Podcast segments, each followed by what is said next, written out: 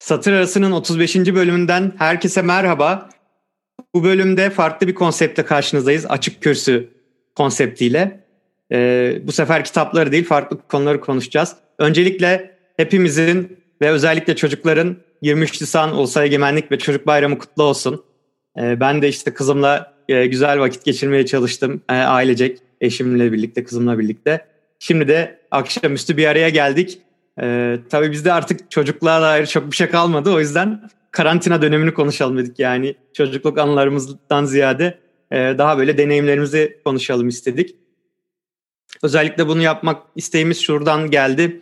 Ee, hani biz bir e, birbirini Osmaniye'den çocukluktan bu yana tanıyan bir grubuz ve e, e, hani bu keyifli sohbetlerimiz bir araya geldikçe işte dini bayramlarda olsun ne zaman bir tatil olsa bir araya gelsek e, işte birlikte buluştuğumuz bir mekan vardı. O mekanda buluşup e, böyle bayağı bazen sabahlara kadar sohbet ettiğimiz oluyordu. Hani bunu aslında bir şekilde farklı farklı şeylerde yaşarken bir yandan işte hepimiz farklı e, yaşam dertlerine düşerken devam ettirelim istiyorduk. E, işte kitaplar bizi bir araya getirdi. Bu yüzden satır arası aslında e, şimdiye kadar yürüdü, devam etti. Pardon bir canlı yayında sıkıntı var mı şu an? Yok sanırım değil mi? Canlı yayın devam ediyor. Yok devam ediyor bir sıkıntı devam yok. Ediyor, çok pardon. Evet e, yanlış görmüşüm. E, dediğim gibi e, kitaplarla başladık. Kitaplardan sonra filmler işin içine dahil oldu. Bu sefer artık konseptin biraz daha dışına çıkıp e, biraz da kendi deneyimlerimizden konuşmak istiyoruz. E, ben ilk olarak sözü Ömer'e vermek istiyorum. Ömer'le biraz zaten e, başlamadan önce konuşmuştuk. E, sanırım hani e, bulunduğu sektör en çok etkilenen kişilerden birisi Ömer. E, tekstil sektörü. E, Ömer e, sizin deneyiminiz nasıl oluyor özellikle senin ve ailenin diyeyim e, korona sürecinde? Arkadaşlar merhaba. Ee, sizleri hepinizi bir arada gördüğüm için gerçekten çok sevinçliyim ve mutlu oldum. Çünkü bayağıdır görüşmüyoruz. Belki en son ben Eren'le görüştüm. O da nereden baksan bir yıla yakın olmuştur. Ee, bu koronavirüsü COVID-19 geldikten sonra cidden bizim sektör tamamen durdu. Yani durma noktasına geldi. Bu arada ben tekstil sektöründeyim. Hazır giyim diyeyim. Ee, çalıştığımız Avrupa'daki bazı müşteriler tamamen bütün mağazalarını kapattılar. E çünkü mağazalar satış olmazsa açık durmanın bir anlamı yok. E böyle olunca da hepsi sezon atlatmak zorunda kaldılar. Bu da şu anda Türkiye'nin ihraç olarak birinci sırasındaki tekstili vurdu. Ben işte toplaşmadan önce Çağrı'yla da konuştum orada. Hani adet de verdim. Bizim sadece bir müşteriden şimdi isim vermeyeyim hani şey olmasın, reklam olmasın. Türkiye'den aylık 15 milyon adet civarında hazır giyim ürün alıyorlar. E bunu bir sezon 6 ay olarak düşünün. Çünkü senede 2 sezon var nereden baksanız 100 milyon adete yakın ürün satılmamış olacak. Ya bunun da ortalama 1-1,5 milyar euro civarında bir cirosu var. E, sektör büyük ve bu sadece benim bahsettiğim şey çalıştığım bir müşteri. E, en büyüğü olabilir ama sonuçta bayağı bir yüksek bir rakamlar. E böyle olunca herkes çalışan atölyelerini, konfeksiyonlarını, fabrikalarını kapatmak zorunda kaldı. Ki zaten konfeksiyonların ve e, hazır giyim yapılanların %70'ine yakını İstanbul civarında. E, bu da İstanbul'da da hastalık en yüksek oranda olduğu için bizi çok vurdu. Yani ne zaman biter, ne olur, ne biter onu da bilmiyoruz, kestiremiyoruz. Takip ediyoruz ama ne olacak bilmiyoruz. Yani şöyle diyeyim, bugün nereden baksanız işte 8 Mart'tan beri evdeyim ben öyle düşünün. Ve belki bu Ramazan bayramından sonrasına da sarkacak. Belki daha sonrasına sarkacak. Yani bilmiyorum hani inşallah iyi olur. Bir an önce birisi işte bunun çözümünü bulur, aşısını bulur, ilacını bulur. Ama bizi etkiledi. Ee, ben şimdi sözü sıraya göre Dilşat'a devredeyim. Dilşat abi sizi nasıl etkiledi bu süreç? Ne yaptınız, ne ettiniz? Siz Adana nasıl? Bu arada İstanbul gerçekten çok kötü. Çünkü aranızda İstanbul'da olan tek benim. Ve e, şöyle söyleyeyim. %65, %70'i İstanbul'da ve her geçen gün daha da çok yayılıyor. Çünkü insanlar durmuyor. Durmaları gerekirken evlerinde durmuyorlar ve bu gitgide artıyor. Ha, belki mecburiyetten ama mesela sokağa çıkma yasağı geldiğinde de sabah şimdi eşimle aşağı baktık. Yani gördüğüm karede 16 kişi saydım düşünün. Hani Dilşat abi biliyorsun sen evin şeyini aşağı sokağını. Yani bu böyle giderse daha da yayılır diye düşünüyorum ama bilmiyorum. Evet Dilşat abi sana verdim sözü. Olasın hacı. Herkese selamlar. Ee, 23 Nisan'da gençlerimize, çocuklarımıza kutlu olsun diyelim. Ee, işin açığı benim kafamda şeyi konuşmak en başında sektörlerin durumunu konuşmak hiç yoktu. Bu muhabbeti de hani şey yapalım diye düşündük işte. İlk Eren söylemişti bana bunu. Hani karantina ile ilgili bir konuşalım falan diye. Sonra olmadı bir şeyler oldu. Ardından çağrı geldi. Tekrar yeniledi. O ara Mustafa da ben de katılabilirim falan dedi oturumlara. Dedim ki herhalde kalabalık olacak. Çağrı yazınca gruba İkbal ben de gelirim, Ömer ben de gelirim falan deyince Erhan falan hep beraber bir toparlandık. İyi de oldu. Ben aslında sürecin hani havacılık tarafındayım ama sürecin şeyini konuşmak istiyorum. İlk başta en azından giriş açısından. Karantinada biz evde ne yapıyoruz? Yani bu karantina mevzusu veya ne bileyim kendi kendimizi karantinaya aldık böyle diyelim. Sokağa çıkma yasakları bize ne yaptı? Yani hani sektörümüze ne yaptı vesaire. Onlar aslında işin genel itibariyle bilinen tarafları. Yani bunu şeyden haberlerden takip edebiliyoruz. Sektörel bazda söylemiyorum.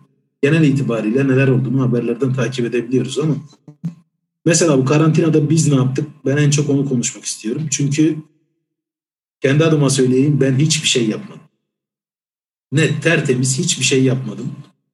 Bütün bu süreç şöyle bakıldığında yaklaşık bir ayı aştı ve bunca boş zamanın şey değerlendirilmesi gerekir işte. Yani insanın aklına ilk şey geliyor.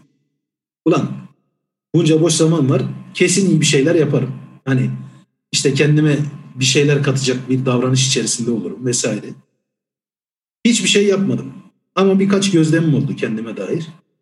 Mesela bu standart işte kapitalist dünyada yaşıyoruz. Normal bundan şey gibi e, merdiven altı solcusu gibi şikayet etmeyeceğim. Yani bu içerisinde bulunduğumuz bir şey. E, bu dünyada yaşıyoruz. Ve her gün üç aşağı beş yukarı bundan şikayet ediyorduk. İşe gidiyoruz, şöyle de yapıyoruz, böyle de yapıyoruz. Sonra bir gün bir şey oldu ve pat diye evde kalmaya başladık. O şikayet ettiğimiz şeye o kadar alışmışız ki. Mesela ilk kendime gelmem herhalde 6-7 gün sonra oldu benim. Kendi adıma söylüyorum bunu. Ya şey alışkanlığını bir türlü e, atamıyorsun. Sabah işe gideceğim. Şöyle olacak, böyle olacak. Bir şeyler yapacağım. İş yerinde de bazı problemler yaşadığımız için şey oldu.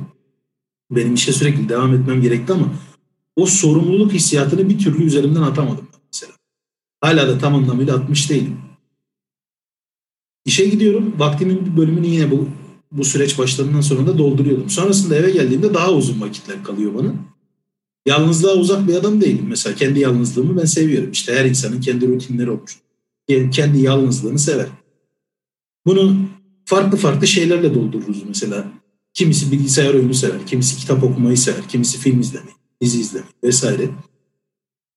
Şeyi öğrendim bu süreçte mesela kendi adıma eksikliklerimden birini. Bir müzik aleti çalmayı bilmiyorum. Mesela basit el zanaatlarından herhangi birisiyle uğraşmıyorum. Ee, bu kendimde eksiklik ya da ne bileyim ya keşke olsaydı dediğim bir şey. Yani bir gitar tıngırdatabil çalabilmeyi, tıngırdatabilmeyi isterdim mesela. Ne bileyim ya da ya en basitinden aklıma geleni söyleyeyim. Ne bileyim kaşık oymayı bilmeyi isterdim mesela evde, balkonda kendi kendime el zanaatlarıyla ilgili bir şey yapabilmeyi isterdim. Hani bunların eksikliğini yaşadım. Ve şey de sıkıntı oldu. Zamanın nasıl bile gideceğini bilmiyorsun. Biraz da zoraki bir evde kalma durumu olduğu için o kendimi geliştiririm, kendime vakit ayırırım dediğim şeylerin çoğunu yapamadım. Mesela hiç istediğimce kitap okuyamadım. Belki bunun zorunluluk üzere evde kalmayla bir alakası var bilmiyorum ama Yani bu zamanı etkin diyebilirim. İnsanın kendine bir şey koyduğu bir vakit olarak değerlendiremedim. Diğer yandan da şunu da şey yapıyorum. Acaba bu bize dikte edilmiş bir şey mi? Yani hiç temponu kaybetme, hep böyle kendini geliştirecek, kendine iyi gelecek, iyi geleceğini düşündüğün ya da bir süre sonra ihtiyacın olduğunu düşündüğün, olacağını düşündüğün pardon, bir şeylerle meşgul ol. Acaba bu bize dikte mi edildi? Bunun rahatsızlığını duyuyorum ve bundan sonra kim bilmiyorum ee, konuyu alacak. Konuyu alacak arkadaşa direkt sorayım. Bu rahatsızlığı sen de hissettin mi? Artık her kimse söz alacaksa ve ee, pardon Çağrı. Ben sen söz alayım. Sen devam et. Ben alayım sonra. Yani hani bu rahatsızlığı siz de hissettiniz mi? Hepinize de sormuş olayım. Ve kapana kısılmış gibi hissettiğinizde yani vaktin nasıl durur tam cümleyi bulayım. Hani bu zoraki evde geçirme vakti bir zoraki durum olduğundan sizce e, sağlıklı kullanılabilir mi? Ya da sağlıklı kullanmak diye bir şey var mı bu zaman? Onu sormuş olayım. Hı hı. Ee, Sen de istiyorsun.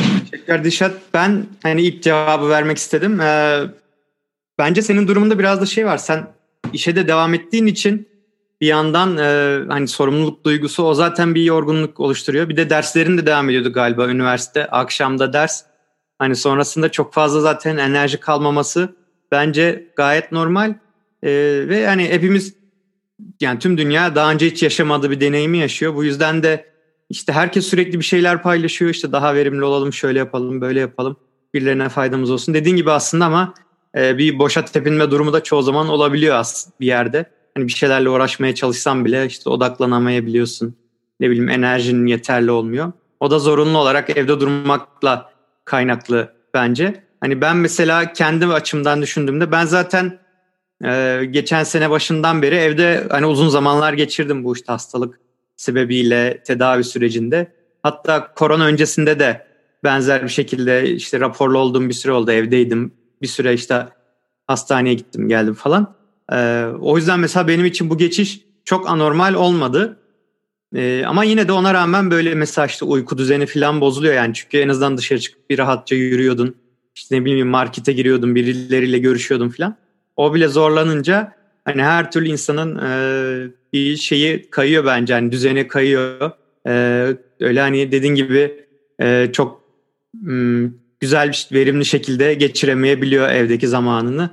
E, hatta yani e, psikolojisi bozulan yani moral morali işte moral olarak çöken işte yalnız çok yalnız hisseden filan insanlar da çok olduğunu duyuyoruz. O açıdan belki işe gitmen sana yaramış bile olabilir. Hani evde de tek yaşıyorsun normalde. E, o açıdan sana yaramış bile olabilir. Şu an mesela e, kendimi senin yerine koydum. İlk başta şey diyordum ya ne bileyim sen de idare izinli olabilirdin, rapor bulabilirdin. Hani kendine izinli hale getirebilirdin. Hani birçok iş arkadaşın gibi. Ama düşününce bir yandan da evde tek başına kalmaktansa e, daha sağlıklı bile olabilir. Benden bu kadar. Evet o zaman herhalde Eren'e mi devredeceğiz? Aynen Eren e, başka söyleyecek olan bir şeyi söyleyecek olan yoksa Eren'le devam edebiliriz. Sıkışınca topu Eren'e atalım. Alıştık biz bunlara. Neyse. Şimdi sana öncelikle... Sırada sen varsın. Pay biçmeme kendin orada. Öyle mi? Eren'e atalım. Bizi Eyvallah. dinle. Yazılanları okuma. ya şimdi bu arada benim iş yeri ekibi e, canlı yayını keşfetti. E, dolayısıyla troll troll mesajlar atıyorlar sağ olsunlar. Herhalde bir müddette devam edecek. artık yapacak bir şey yok. İdare edeceksiniz siz de. Ee, ben onların adına bir şeyi artık netleştireyim. Ee, ben idari izinliyim. Kronik hasta kategorisinden olduğum için Cumhurbaşkanımız beni sen işe gelme kategori diyerekten kovaladı. Hani özel olarak işe gitmiyorum o yüzden bu karar ilk çıktığı günden beri idari izinliyim. Dolayısıyla e, arkadaşlar zaten ortak WhatsApp grubumuzda da sürekli e, bu konuya dikkat çekerekten biraz şey yapıyorlar ama sıkıntı yok. Yani yapacak bir şey yok sonuçta. E, hastayım. Ne yapayım?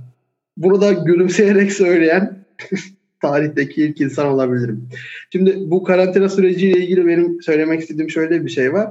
bence insanoğlu artık ne kadar boş bir süreç içinde tepindiğini yavaş yavaş anlayacak. Ee, hani çok şey yapıyoruz. Yaptığımızda bir anlam bulmaya çalışıyoruz ve bir anlam bulmakta çoğunlukla güçlük çekiyorduk ama buna rağmen herkes aynı şeyi yaptığı için mütemadiyen devam etme ihtiyacı hissediyorduk. Fakat şu anda artık şuna döndü ortam. Yani bizim bir nasıl söyleyeyim sebebe ihtiyacımız var ancak bu sebep ortadan bir şekilde kalktı. Hepimiz yani işe gitsek bile aklımız işte değil. Yaptığımız şeyin e, ne kadar anlamlı olduğunu sorgulamaya başladık. Dolayısıyla zamanla ben bu sürecin insan düşüncesinde, insan dünyasında bir farklılaşmaya yol açacağını düşünüyorum. E, hobiler kısmına bakarsak ben kitap okumaya bayağı bir sardım. Yani son işte yani bu yıl başından beri toplamda herhalde 25 tane falan kitap okudum öyle söyleyeyim. Ee, onun haricinde işte oyun oynuyorum bolca. Güzel oluyor. Yani tabii şimdi arkadaşlar yine muhtemelen yorumlarda çılgın atıyorlardır ama e, yapacak bir şey yok. Yani şimdilik benim söyleyeceklerim bu kadar. Ben o arkadaşlara da bir cevap vermiş olayım hem aradan. Telefonumu bir ele geçireyim. Müsaadenizi isteyeyim o yüzden. E, sözü de biri devralırsa sevineceğim. Tamamdır. Teşekkürler Eren. Ee, İkbal senle devam edelim. Sen e, önce ne yaptığından belki biraz bahsedebilirsin. Ee, hani en son bir girişimin üzerinde çalışıyordun. Ee, şu an nasıl gidiyor? Hani çalışmaların devam ediyor mu? Ne durumdasın? Sendeyiz. Merhaba arkadaşlar. Ee, Çağrı teşekkür ederim. Şimdi az önce bir ufak bir kopukluk oldu. Herhalde sözü bana attın. Ee, son kısmını yakaladım. Ufak bir girişimin oldu gibisinden. Ee, evet, daha önce bir e, oturuma katılmak istemiştim. Bir şanssızlık sonucu e, ayrılmıştık. Tekrar bağlanamamıştık. Tanımayan arkadaşlar için kısaca kendimden bahsedeyim. Ben İkbal e, bu gruba sonradan katıl katıldım Dilşat sayesinde. E, bu e, arkadaşlarla bayramlarda yaptığımız sohbetlerde e, Dilşat aracılığıyla katıldım. Daha sonra beni e, WhatsApp grubumuza dahil ettiler. İş buralara kadar geldi. Her neyse e, ben öğrenciyim, doktora öğrencisiyim. E, Adana'da okuyorum.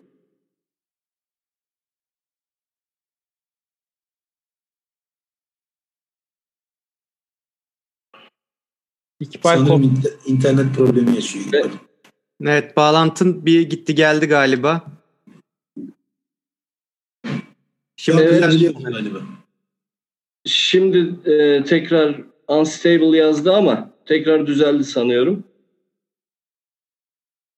Güzel. Neyse e, nerede kaldığımı hatırlayamıyorum ama şimdi e, bu şeyden bahsedeyim. Korona günlerinde neler yapıyorum, e, neler yapıyoruz bunlardan bahsedeyim.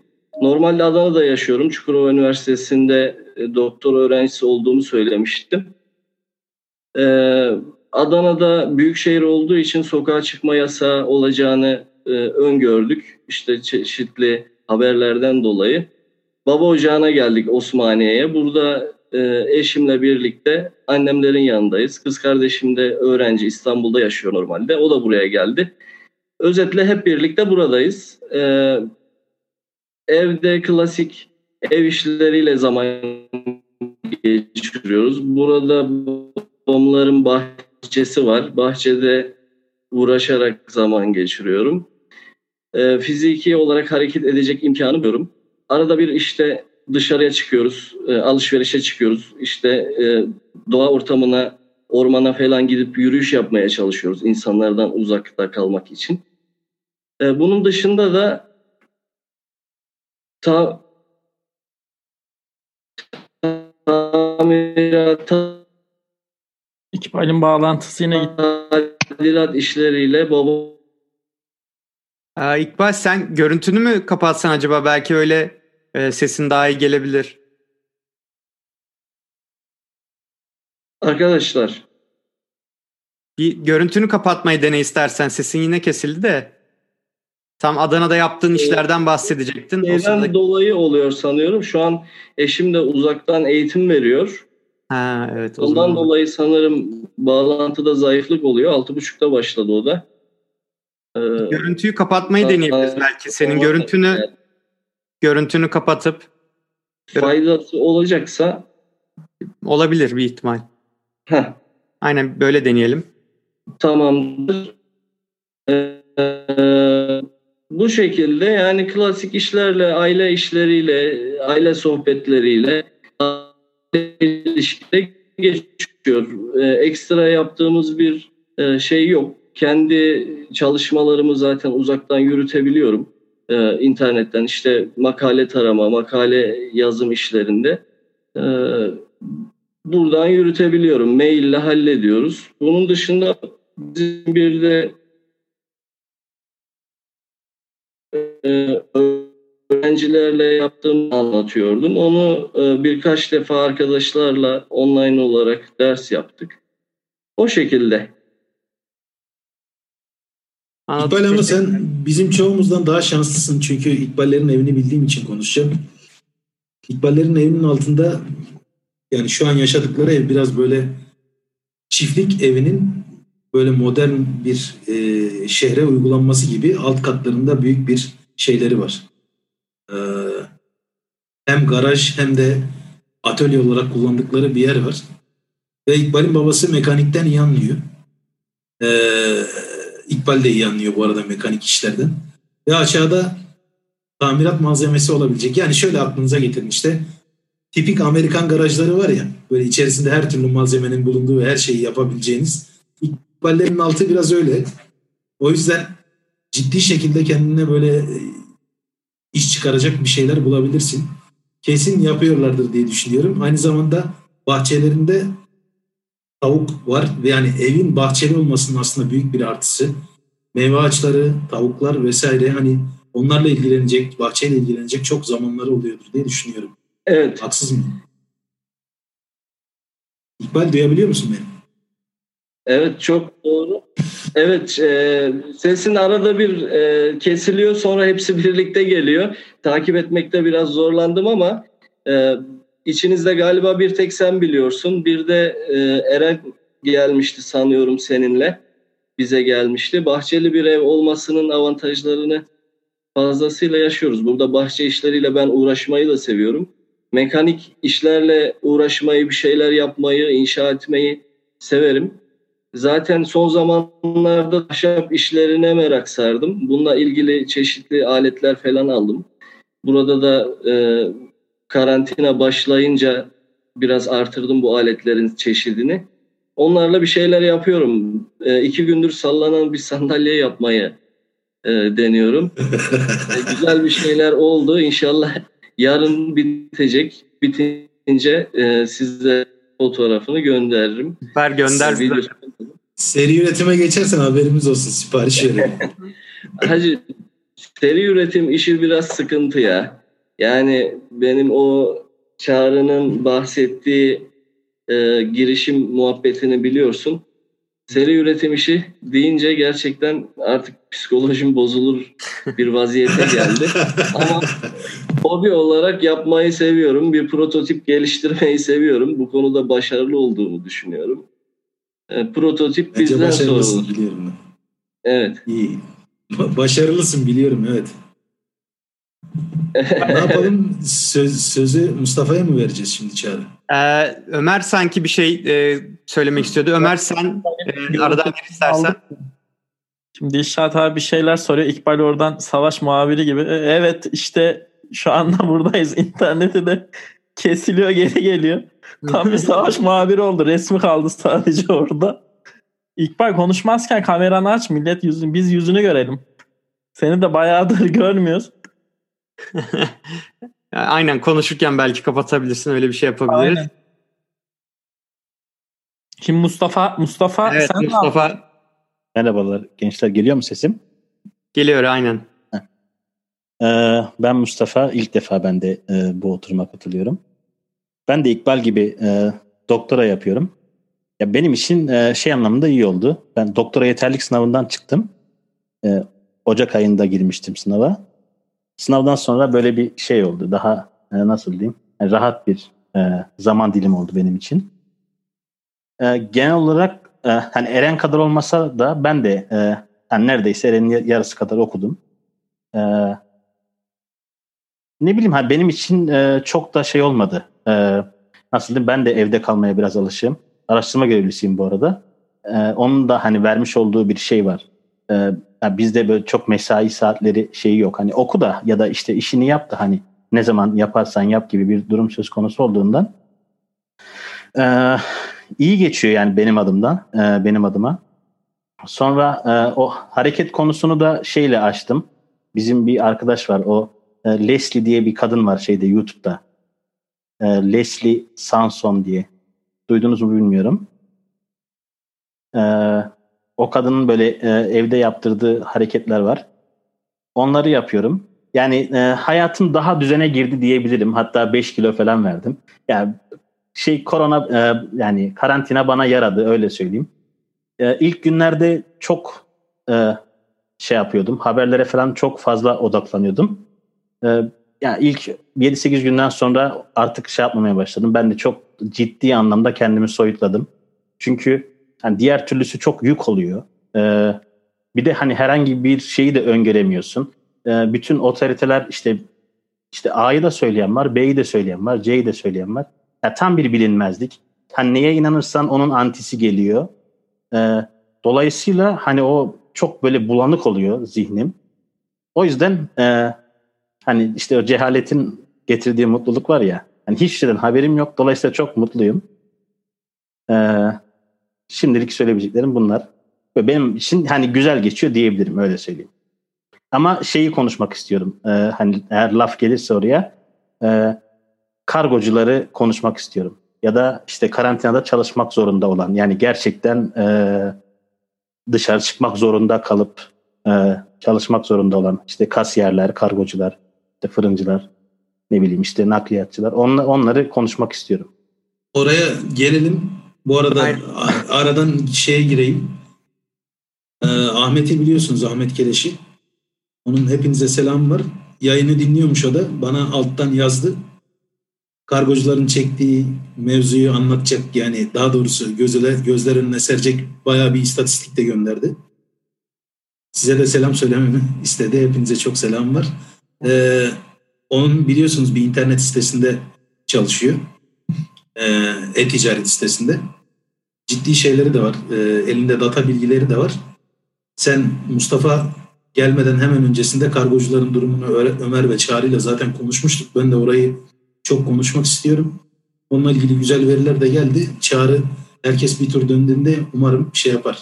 O mevzuya bir değinir. Ben de onu Aynen aynen oradan başlayabiliriz. Zaten e, öncesinde de yayına girmeden önce de biraz e, bahsi geçmişti. Hani önce bir kendimizden bahsedip sonra aslında şu an en çok etkilenen insanlar e, neler yapıyor hani ve hani bazı şeyleri anlayamıyoruz da hani onları da anlamaya çalışmak için aslında e, konuşmak güzel olacak bence de. Ee, Erhan senle devam edelim istersen. Ee, sen şu an ne durumdasın? Nasıl etkiledi e, korona salgını? Ben e, açıkçası en az etkilenenlerden biriyim. Merhaba bu arada. Birincisi kamu personeliyim. Ee, ekonomik olarak hani maaşım yatmaya devam ettiği için ya da işte ticaret yapmadığım için ekonomik olarak doğrusu etkilenmedim. Hatta geçen Dilşat'la telefonda konuşmuştuk o da kamu personeli bizim için tasarruf durumu bile oldu. Bir zorunlu tasarruf durumu oldu. Hani ekonomik durumumuz daha iyiye gitti bile bu süreçte. Ee, o konuda şanslı bir grup içerisindeyim. Benim bir şansım daha var. Ben zaten e, evde yaşamayı çok seven bir insanım. İş yerinde çalışırken böyle nöbet, askerdeki nöbet psikolojisinde çalışıyorum zaten. Dakikaları sayarak bir an önce eve gitmek için. Ben tatilde bile eve gitsem de pineklesem diye hayal eden bir insanım. Öyle olduğu için o açıdan da az etkilendim. Ee, onun dışında diyebileceğim ben sürece zaten şey insanların çoğundan erken başladım. Tam Türkiye'de ilk vaka görüldüğünde ben yurt dışı görevden yeni dönmüştüm. O yüzden zorunlu karantinaya eve gönderilmiştim. İnsanlardan böyle bir hafta on gün falan önce başladım ben sürece. ee, o ben ilk karantin, karantinaya gönderildiğimde henüz şey yoktu. Böyle toplumda bir korona heyhulası yoktu. Çok fazla konuşulmuyordu. Öyle bir süreçte olduğu için ben de işin ciddiyetinin çok farkında değildim. Bana böyle lay lay lom şanslı bir şey gibi gelmişti. Eve gidip yatacağım falan filan diye. Sonra işin ciddiyeti anlaşıldı. Ee, yalnız yaşayan bir insanım. O açıdan da şanslıyım. Hani evde sürekli sağlıklarını, işte temaslarını gözetmek zorunda olduğum yaşlı ailemle yaşamıyorum. Çevremde bir kronik hasta yok. Öyle olduğu için o açıdan da şanslıydım. Ama tabii hani şunu da hatırlatmak lazım insanlara. Madem canlı yayın yapıyoruz. Ee, sizin risk altında olmamanız bu tedbirlere ayak uydurma konusunda e, sizi daha az sorumlu yapmıyor. Ben bunu bir müddet geç anladım tabii hani zamanla anlaşılan bir şey. Biraz daha sorumsuz davranıyordum. Ee, bir şekilde bu hastalığın yayılmasını yavaşlatmak için yani durdurmak diye bir şey yokmuş. Birçok kişi onu söylüyor. Yani ilgili bilim adamları, uzmanlar insanların %80'ine en az bu hastalık yayılacak bir şekilde diyorlar. Yani bizim bu tedbirleri uygulama sebebimiz herkes biliyor zaten.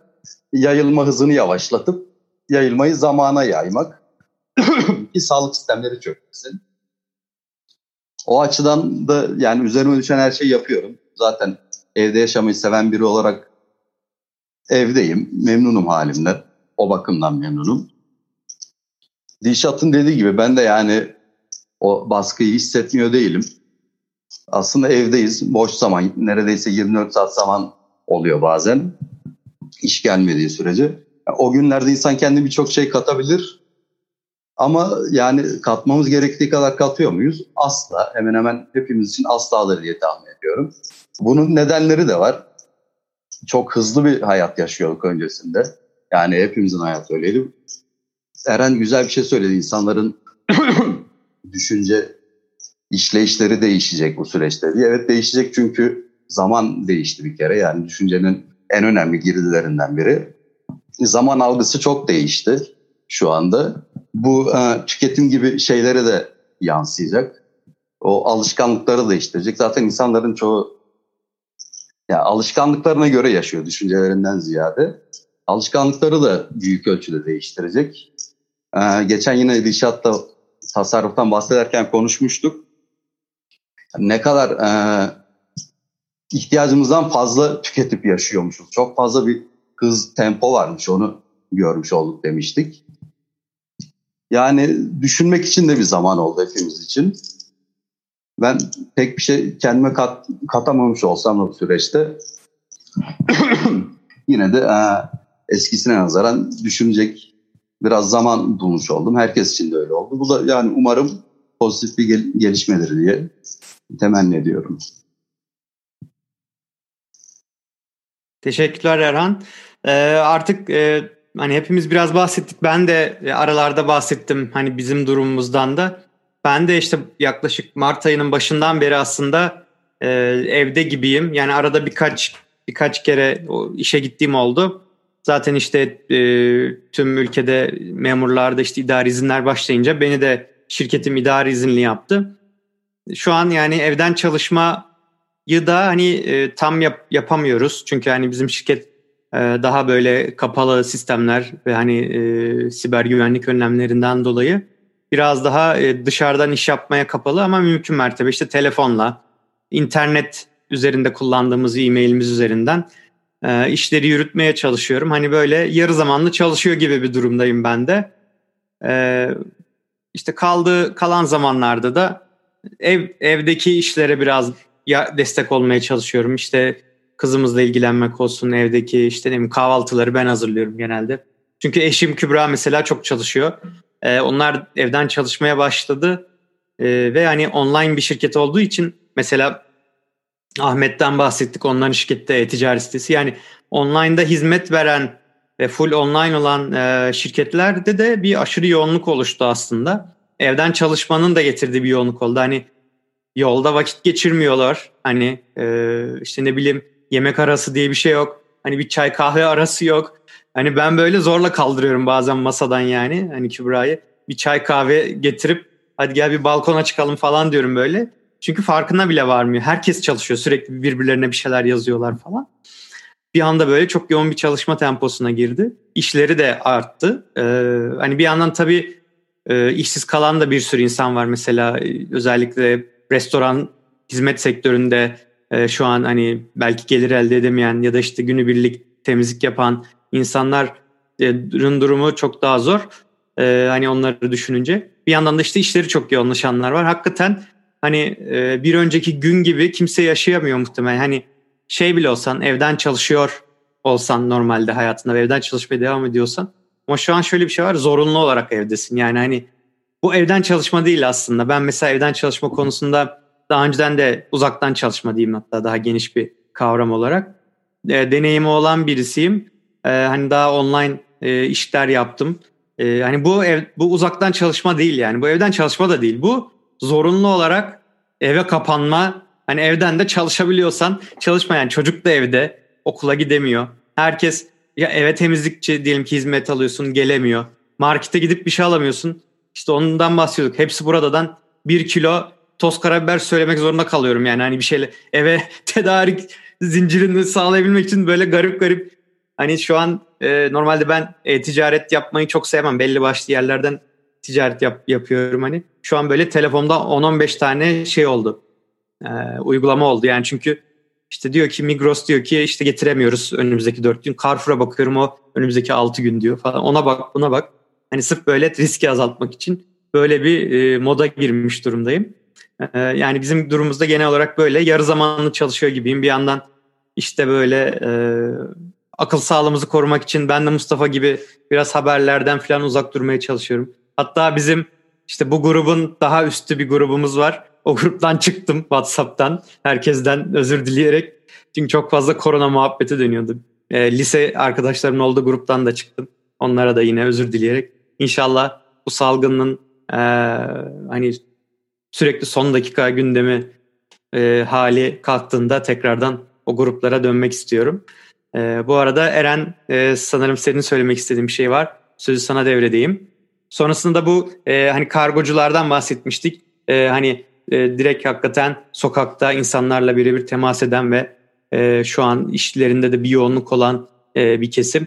E, onlardan konuşarak devam edebiliriz ben mi kargoculardan konuşayım? Sen hani el kaldırmıştın hani özel tamam. konuşacağın bir şey varsa. Şimdi şöyle bir şey söyleyeceğim ben. Ee, ya kargocular konusu tabii hani gerçekten e, ya şu dönemde çalışmak zorunda olan herkesin işi çok zor.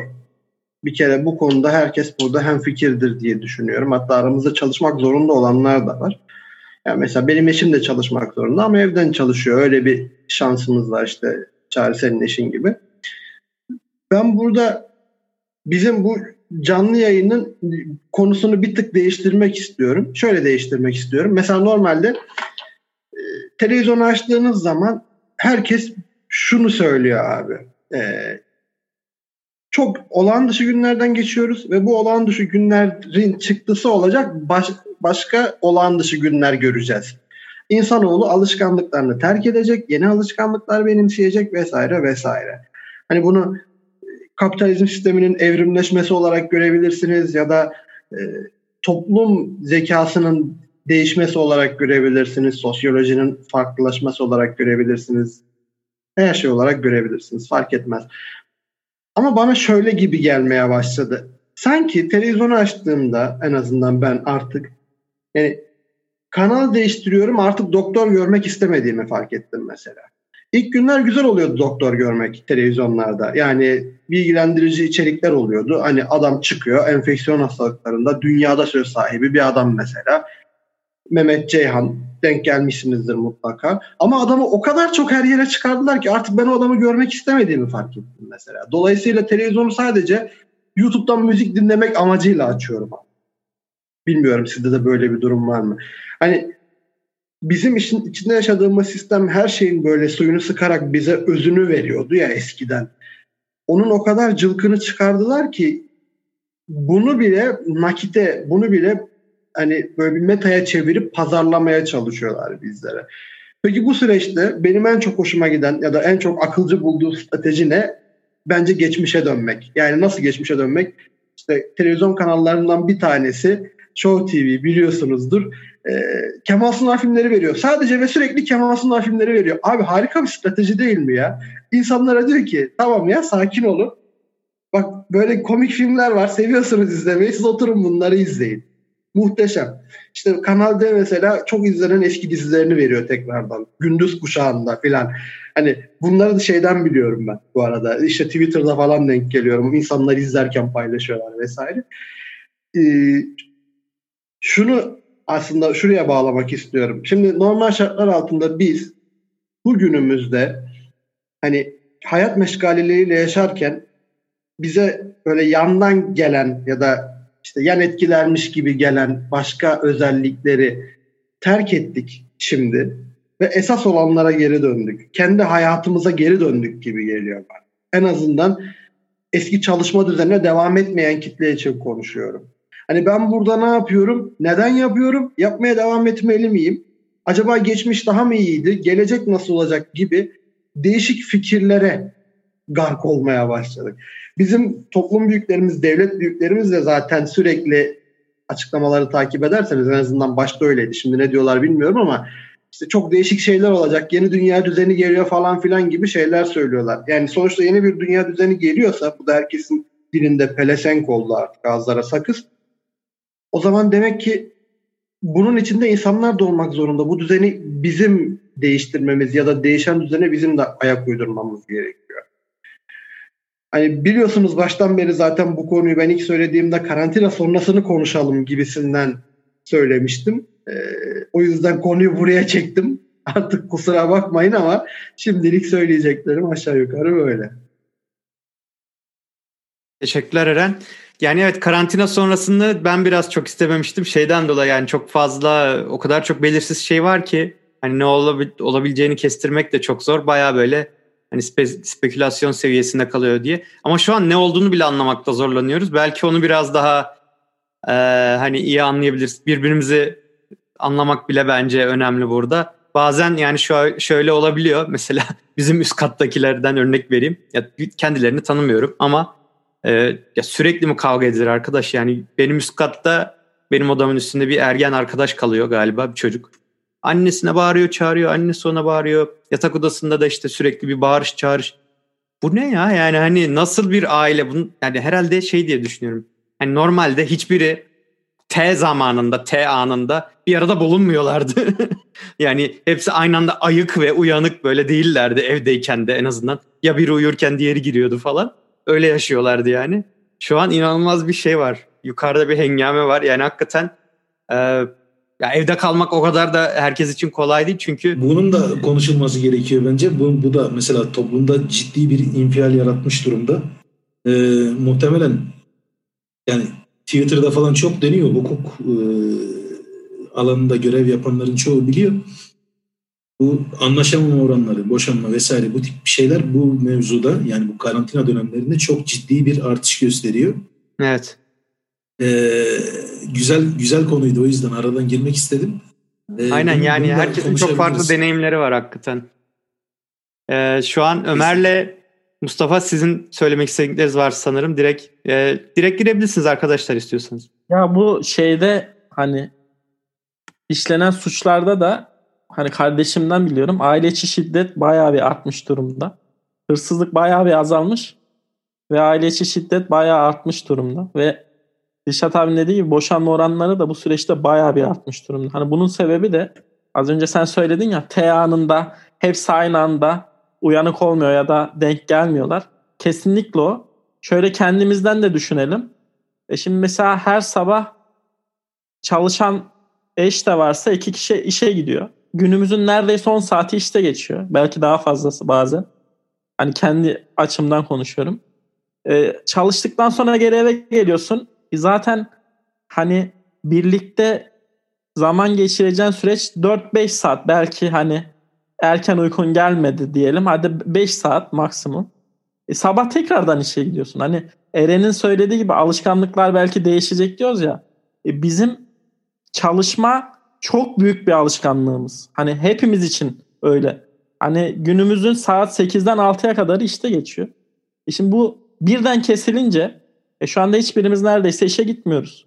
E bu birden kesilince şimdi insan alışkanlıklarından hemen hani vazgeçemiyor ya da nasıl diyeyim o sürece hemen alışamıyor. Bunun da yan etkileri oluyor. Ne gibi işte? En ufak şeylere sinirlenme olabilir ya da senin üst kattakiler gibi kavga ediyor olabilirler. O biraz sıkıntı yaratıyor.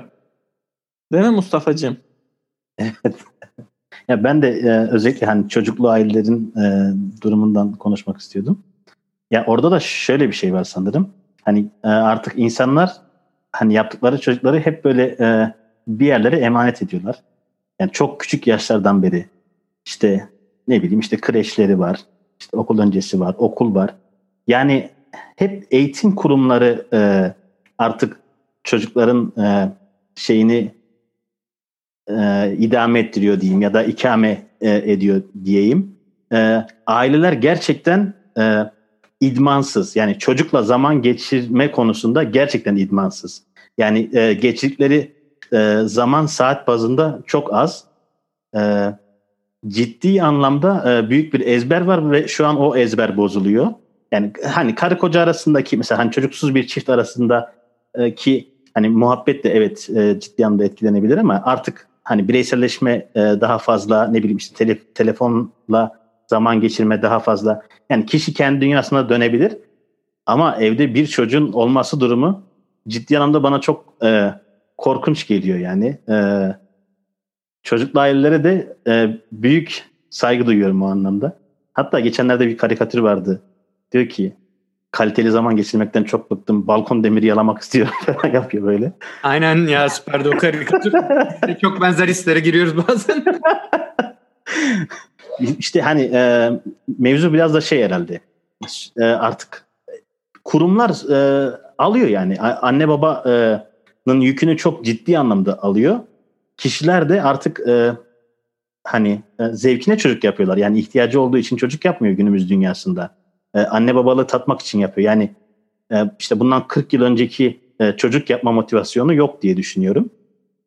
Dolayısıyla cid, e, şeyde e, aileler arasında yani çocuklu aileler arasında e, ciddi bir ezber bozumu var. Bakalım süreç nasıl işleyecek yani. Şu an bizim çocuğumuz yok. Biz ben bilmiyorum ama hani en azından senin var çağrı.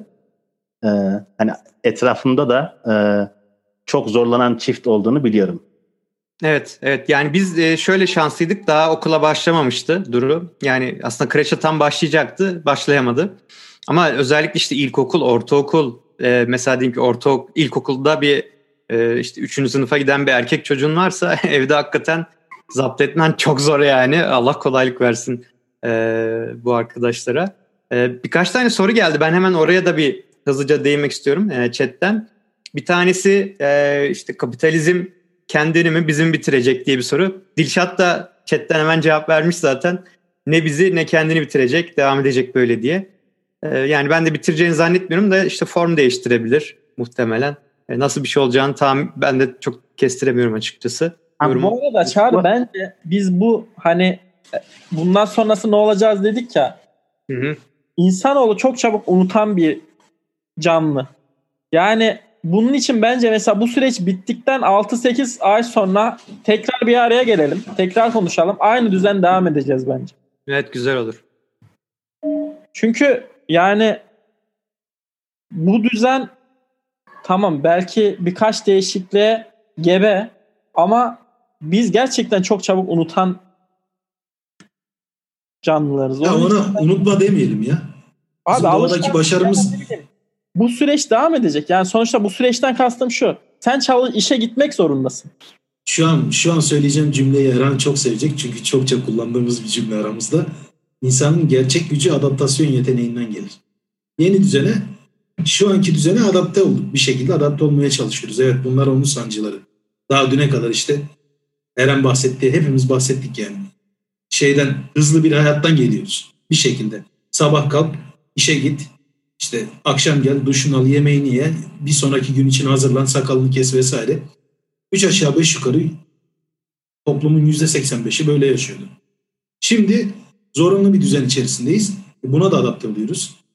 Mesela hepimizin adaptasyon yeteneği farklı. Eren diyor ki mesela ben oyun oynuyorum, yatıyorum, uyuyorum.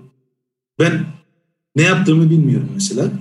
Adaptasyonumu 6-7 gün sonra ancak e, başarabildim ki hala zorlandığım zamanlar oluyor. Mesela normalde yaptığım eylemleri yapamıyorum. Ben normalde kitap okuyan bir adamım, okuyamıyorum. Belki bu karantina süreci beni kötü etkiledi. Uyku düzenimi ciddi kötü etkiledi. Hatta bunu Telegram grubunda da konuşmuştum. Ee, hepimizin hani adapte olmak için farklı yolları var. Atıyorum 3 ay sonra dediğin gibi hayat normale döndüğünde ki ben çok çabucak normale döneceğini düşünmüyorum. Ona da adapte oluruz. Yani biz bu kalemun gibi yaratıklarız. İnsan dediğim böyle bir yaratık. Çat diye adapte olur. Olayı bu zaten. Asıl mevzu şu. Mesela Eren'in sorduğu bir iki tane kaliteli soru vardı. Yani Eren diyor ki mesela bunu şey de dedi. Şili'de bir tane duvar yazısında da görmüştük. Ee, eskiye dönmeyeceğiz. Eskiye dönmemek için hani elimizden geleni yapacağız. Çünkü eski kötüydü diyor. Mesela bizim sohbetlerimizden hep bilirsiniz. Bu gruptaki hemen hemen herkes üç aşağı beş yukarı çalışmanın abartılmış bir eylem olduğunu düşünüyor. Yani biz bu Burton Russell'la hemen hemen aynı fikirdeyiz. Bunu defalarca kendi aramızda konuştuk. İşte benim hiçbir bilimsel veriye dayanmayan sadece böyle kendi kendime şey yaptığım bir teori var işte. Günde 3 saat ya da 4 saat çalışmak bir mesai durumu insanlığa yeter diyordum. İşte bunu da yine konuştuğumuz için rahatça söylüyorum. Şu Meksika Telekom'un sahibi Carlos Slim Helo diye bir adam vardı. O denemişti. Hatta bir ara dünyanın en zengin adamı olmuştu. Haftada 33 saatlik bir çalışma kotası koymuştu çalışanlarına. İstersen günde 11 saat gel. Git. Yani ben senden 33 saat yararlanacağım haftada. Standart 40 ya da 5 saat değil. Bunu hangi günlere yayacaksın sana kalmış. İstediğin gibi çalışabilirsin diyordu. Ee, farklı şirketler denedi. Microsoft falan hani Çağrı bu konunun daha çok içinde, daha çok e, internet sektörünün içinde olduğu için biliyor. Microsoft uzaktan çalışmayı denedi. Ama orada da şöyle handikaplar ortaya çıktı. İnsan sosyal varlık ve iş bizim için ciddi bir sosyalleşme alanı. Yani biz değer atfetmediğimiz iş yerine aslında sosyalleşerek yani orada bir şeyler yaparak kendimizi boşaltarak eve biraz da rahatlamış, sakinleşmiş olarak da geri dönüyoruz. Şimdi bu sosyalleşmeyi ortadan kaldırınca sen evden çalışma, işte uzaktan çalışma, esnek çalışma adına her ne derseniz. Bu sefer iş yerinin seni sömürmesine neden olabiliyor mesela. Sömürme derken bu şey anlamında değil. Mesela çağrının işi Kübra'ya yapılan durum. Bunu iş yeri veya e, şirket belki bu amaçla yapmıyor ama mevzu şeye dönüyor. Senden anında iş bekliyor adam. Ve şunu diyor kafasında. Ya zaten evde oturuyor. Hiçbir şey yapmasına gerek yok işte. Elinde pijaması, elinde çay bardağıyla gelip bilgisayarın başından tıkır tıkır işleri halledebilir. Mevzu bu sefer şöyle bir noktaya dönüyor. İş yerinde çalışmadığın kadar çok evde çalışmak zorunda kalıyorsun. Ve bu arada evin şeyini de idame ettirmek zorundasın. Normal düzenini de idame ettirmek zorundasın. Yemek bekleyen bir çocuk var. E sen yemek yiyeceksin, eşin yemek yiyecek vesaire.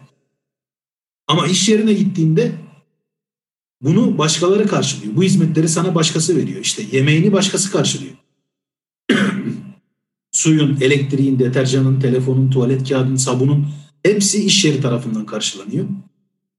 Hani bu kapitalist sistem, işverenler, dünya her neyse şu mevzuyla e, matematik hesabı anlamında bize iş yerinde sağlamak olduk, sağlamak zorunda kaldıkları temel ihtiyaçlarla işte sosyalleşemediğimiz için psikolog, psikiyatr ve sonrasında akabinde işte ilaç, ilaç ihtiyaçlarımız arasında bir seçim yapmak durumunda kalabilirler. Yani sen beni iş yerine getirmediğinde elektrik, su, telefon, tuvalet kağıdı vesaire bunlardan kısıyorsun deterjan. Ama bu sefer ben evde sosyalleşemediğim için başka bir tür soruna yol açıyorum. Daha çok anksiyete ilacı tüketiyorum daha çok obezite ilacı, daha çok şeker ilacı tüketiyorum vesaire. Hani toplumun sağlığı, atıyorum ruhsal sağlığı daha çabuk bozuluyor. Bunun ikisinin arasında bir denge yaratılması lazım. Yani belirli bir dengede gitmesi lazım. İnsan öyle çok kurcalanacak kar, karmaşık bir şey değil yani. Çok kurcalamamak lazım yaşam dinamiklerini ama şeye buradan şeye geçmek istiyorum. Şu kargocuların mevzusunu söyledim. Biraz önce Ahmet Keleş'le konuştuğumu söyledim size. Ahmet Keleş hepinizin bildiği gibi Akakçe'de çalışıyor bir şey e, firması. Karşılaştırma firması, ürün karşılaştırma. Bana verdiği böyle bazı rakamlar var. Olan yaraması 145 kat arttı yazmış. Ama talep karşılanamadı yazmış internet üzerinden. İnsanlar e-ticareti sevdi. Bu süreçte e-ticareti çok kullanıyorlar. Ve yazdıklarından bir parça hani okuyacağım size. Ee, şey demiş. talebi artan ürünlerde şunları vermiş. Bunun üzerinden de başka bir yere gelmek istiyorum. Bu yüzden açacağım. Süpermarket ve hızlı tüketim ürünleri, makarna, konserve, vitamin, bağışıklık güçlendirici ürünler. Başta gıda ürünlerine ciddi talep var demiş. Sonra gıda üretimine yönelik ara mamullerde özellikle maya bitti farkındaysanız son zamanlarda dikkat ederseniz herkes evde ekmek yapmaya çalıştığı için ekmek mayası bitti. Evet bir arkadaş da bunu sormuş hatta ona da gireriz Huzeyfe sormuş. Yani evde ekmek yapanlar için bir yorumunuz var mı diye o iyi denk geldi. Ekmek yapma makinesi, tost makineleri ve davul fırın Yapma. olaylarında satışlarında artış olmuş mesela. Şimdi bu, bu bize şunu gösteriyor. Ben biraz önce Ömer'le konuşurken de Ömer tekstil sektöründe olduğu için şey yapmıştım. E, sormuştum. İnsan rahatlamak için en basitinden çok basit şeyler alır. Yani küçük meblağlı. Ve ilk benim internet alışverişi deyince aklıma gelen ilk şey kıyafet oluyor mesela. Ömer diyor ki bıçak gibi kesildi bitti. Tekstil sektöründe şu an satış yok. Mesela ben bazı ürünler almak için karantina sürecinde bir tane bile ben kargodan ürün almadım. Bazı ürünler almak için Ikea'nın sitesine girdim. 500 TL limiti koymuş. 500 TL üzerinde alışveriş yapmazsan Ikea alışveriş yapmana izin vermiyor. Hani o siparişi böyle bir şekilde sınırlandırmaya çalışmış kendince. Bilmiyorum ne kadar doğru ne kadar yanlış tartışılır. Buraya bir parantez açacağım bir örnek vereceğim. Türkiye'de bazı siteler yani site dediğim bu içinde işte 3-5 tane büyük bloğun bulunduğu, havuzun bilmem neyin bulunduğu yerler aidat fiyatlarını çok yüksek tutarlardı ki belirli bir eliminasyona tabi tutarlardı basit bir şekilde. Aidat fiyatı ne kadar yüksek olursa gelen insan miktarı azalacak. Ee, böylece işte biz kötüyü ayıklamış olacağız. Yani gerçekten burada oturmak isteyen insan para verecek tarzında bir mentaliteleri, yaklaşımları vardı. Hani bu ne kadar doğru bilmiyorum ama IKEA buna benzer bir şey yapmış. Bunların Ahmet Keleş'in verdiği şeylerin mantığını anlayabiliyorum. Bunların hepsi bizim ihtiyacımız olan ürünler. Ama geçenlerde internette yine görmüşsünüzdür. Gruba da göndermiştim. Bir kargocunun isyanı. İstanbul'da yaşayan bir kargo firmasında çalışan bir kızın yazısı çıkmıştı. Diyor ki kardeşim karantinada evinde oturuyorsun. Ayakkabı almanın ne mantığı var? Yani niye ayakkabı alıyorsun? Zaten dışarı çıkamıyorsun. İnsanlar elektronik alışveriş mevzusunda sapıkçasına alışveriş yapmaya başladılar. Ve bu kargo çalışanları sizin, benim, eşimiz, dostumuz, tanıdığımız, yakınımız insanlar. Ve iş yükleri inanılmaz ağır. Evde oturup karantina sürecinde ayakkabı almanın, ne bileyim işte kullanmayacağınız kıyafetleri almanın hiçbir mantığı yok. Bu insanların hepsini hem aşırı çalışma koşullarına hem de bulaşma koşullarına resmen siz itiyorsunuz farkında olmadan. Bunu bilmiyorum temel tüketim malzemeleri için bir şey diyemem elbette bunlar lazım ama bunu bir yerde dengelemek gerektiğini düşünüyorum ve insanlara bu konuda çağrı yapmak gerektiğini düşünüyorum. Yani ihtiyacınız olmayan malzemeyi sırf bir şey alışveriş yapıp kendinizi rahatlatmak için sipariş vermeyin. O malzemeyi size getirmek zorunda olan ve bir sürü sıkıntıya katlanan insanlar var. Buradan sözü bırakayım. Mustafa herhalde alacak. Ben de senin söylediğin tam tersini söyleyeceğim. Ee, şöyle ki ben mesela e, hiç tasarruf yapamadım. Hatta ekstra para harcadım bu süreçte öyle söyleyeyim. Ee, o tarz şeyleri düşündüm. Mesela o kargocu muhabbetini hani düşündüm. Ve e, şuna e, karar verdim. Şimdi ben mesela atıyorum Osmanlı'dan e, işte bir akrabamdan alışveriş yaptım. Çünkü o adam e, kira verecek. Yani ben ondan almayacağım. E, ne bileyim hani kargocu çalışmayacak ama yarın bir gün hani e, kapitalist sistemin eğer alternatifi bulunmadan hani bu şekilde e, nasıl diyeyim alışverişten kaçınırsak sanki hani çok daha büyük bir yıkım olacakmış gibi geliyor. Yani şöyle ki atıyorum ben gidiyorum tencere alıyorum ya da ne bileyim işte ayakkabı alıyorum ne bileyim kıyafet alıyorum e, N11'den. Aslında o da gidiyor işte ne bileyim işte İstanbul'daki bir adam e, onu kargoluyor. Çünkü o adamın da e, işte ben ayakkabı alıyorum ama onun da işte baliciye borcu var. O da e, baliciye e, verecek o parayı. Keza balici de işte atıyorum kendi dükkan e, sahibine verecek. Dolayısıyla sisteme şu anda e, para sokmazsak eğer çok daha büyük bir yıkım olacak diye düşündüğüm için mesela ben senin söylediğin tam aksini yapıyorum. Yani şimdi Erhan buradayken hani ekonomi konuşmak da hani bana düşmez ama ben kendi kendi adıma e, hiç tasarruf yapmadım. Hatta gerçekten çok daha fazla para harcadım. Bunda tek şeyi şu yani e, sürdürülebilir bir ekonomi e, ekonomi olması gerekiyor düşünüyorum. Mesela ben de e, tamam kapitalizm karşısındayım ama alternatifi olmadan bir yıkım olduğunda çok daha e, acı e, bir şekilde sonuçlanacağını Ama bunun burada kaçırdığın şu var.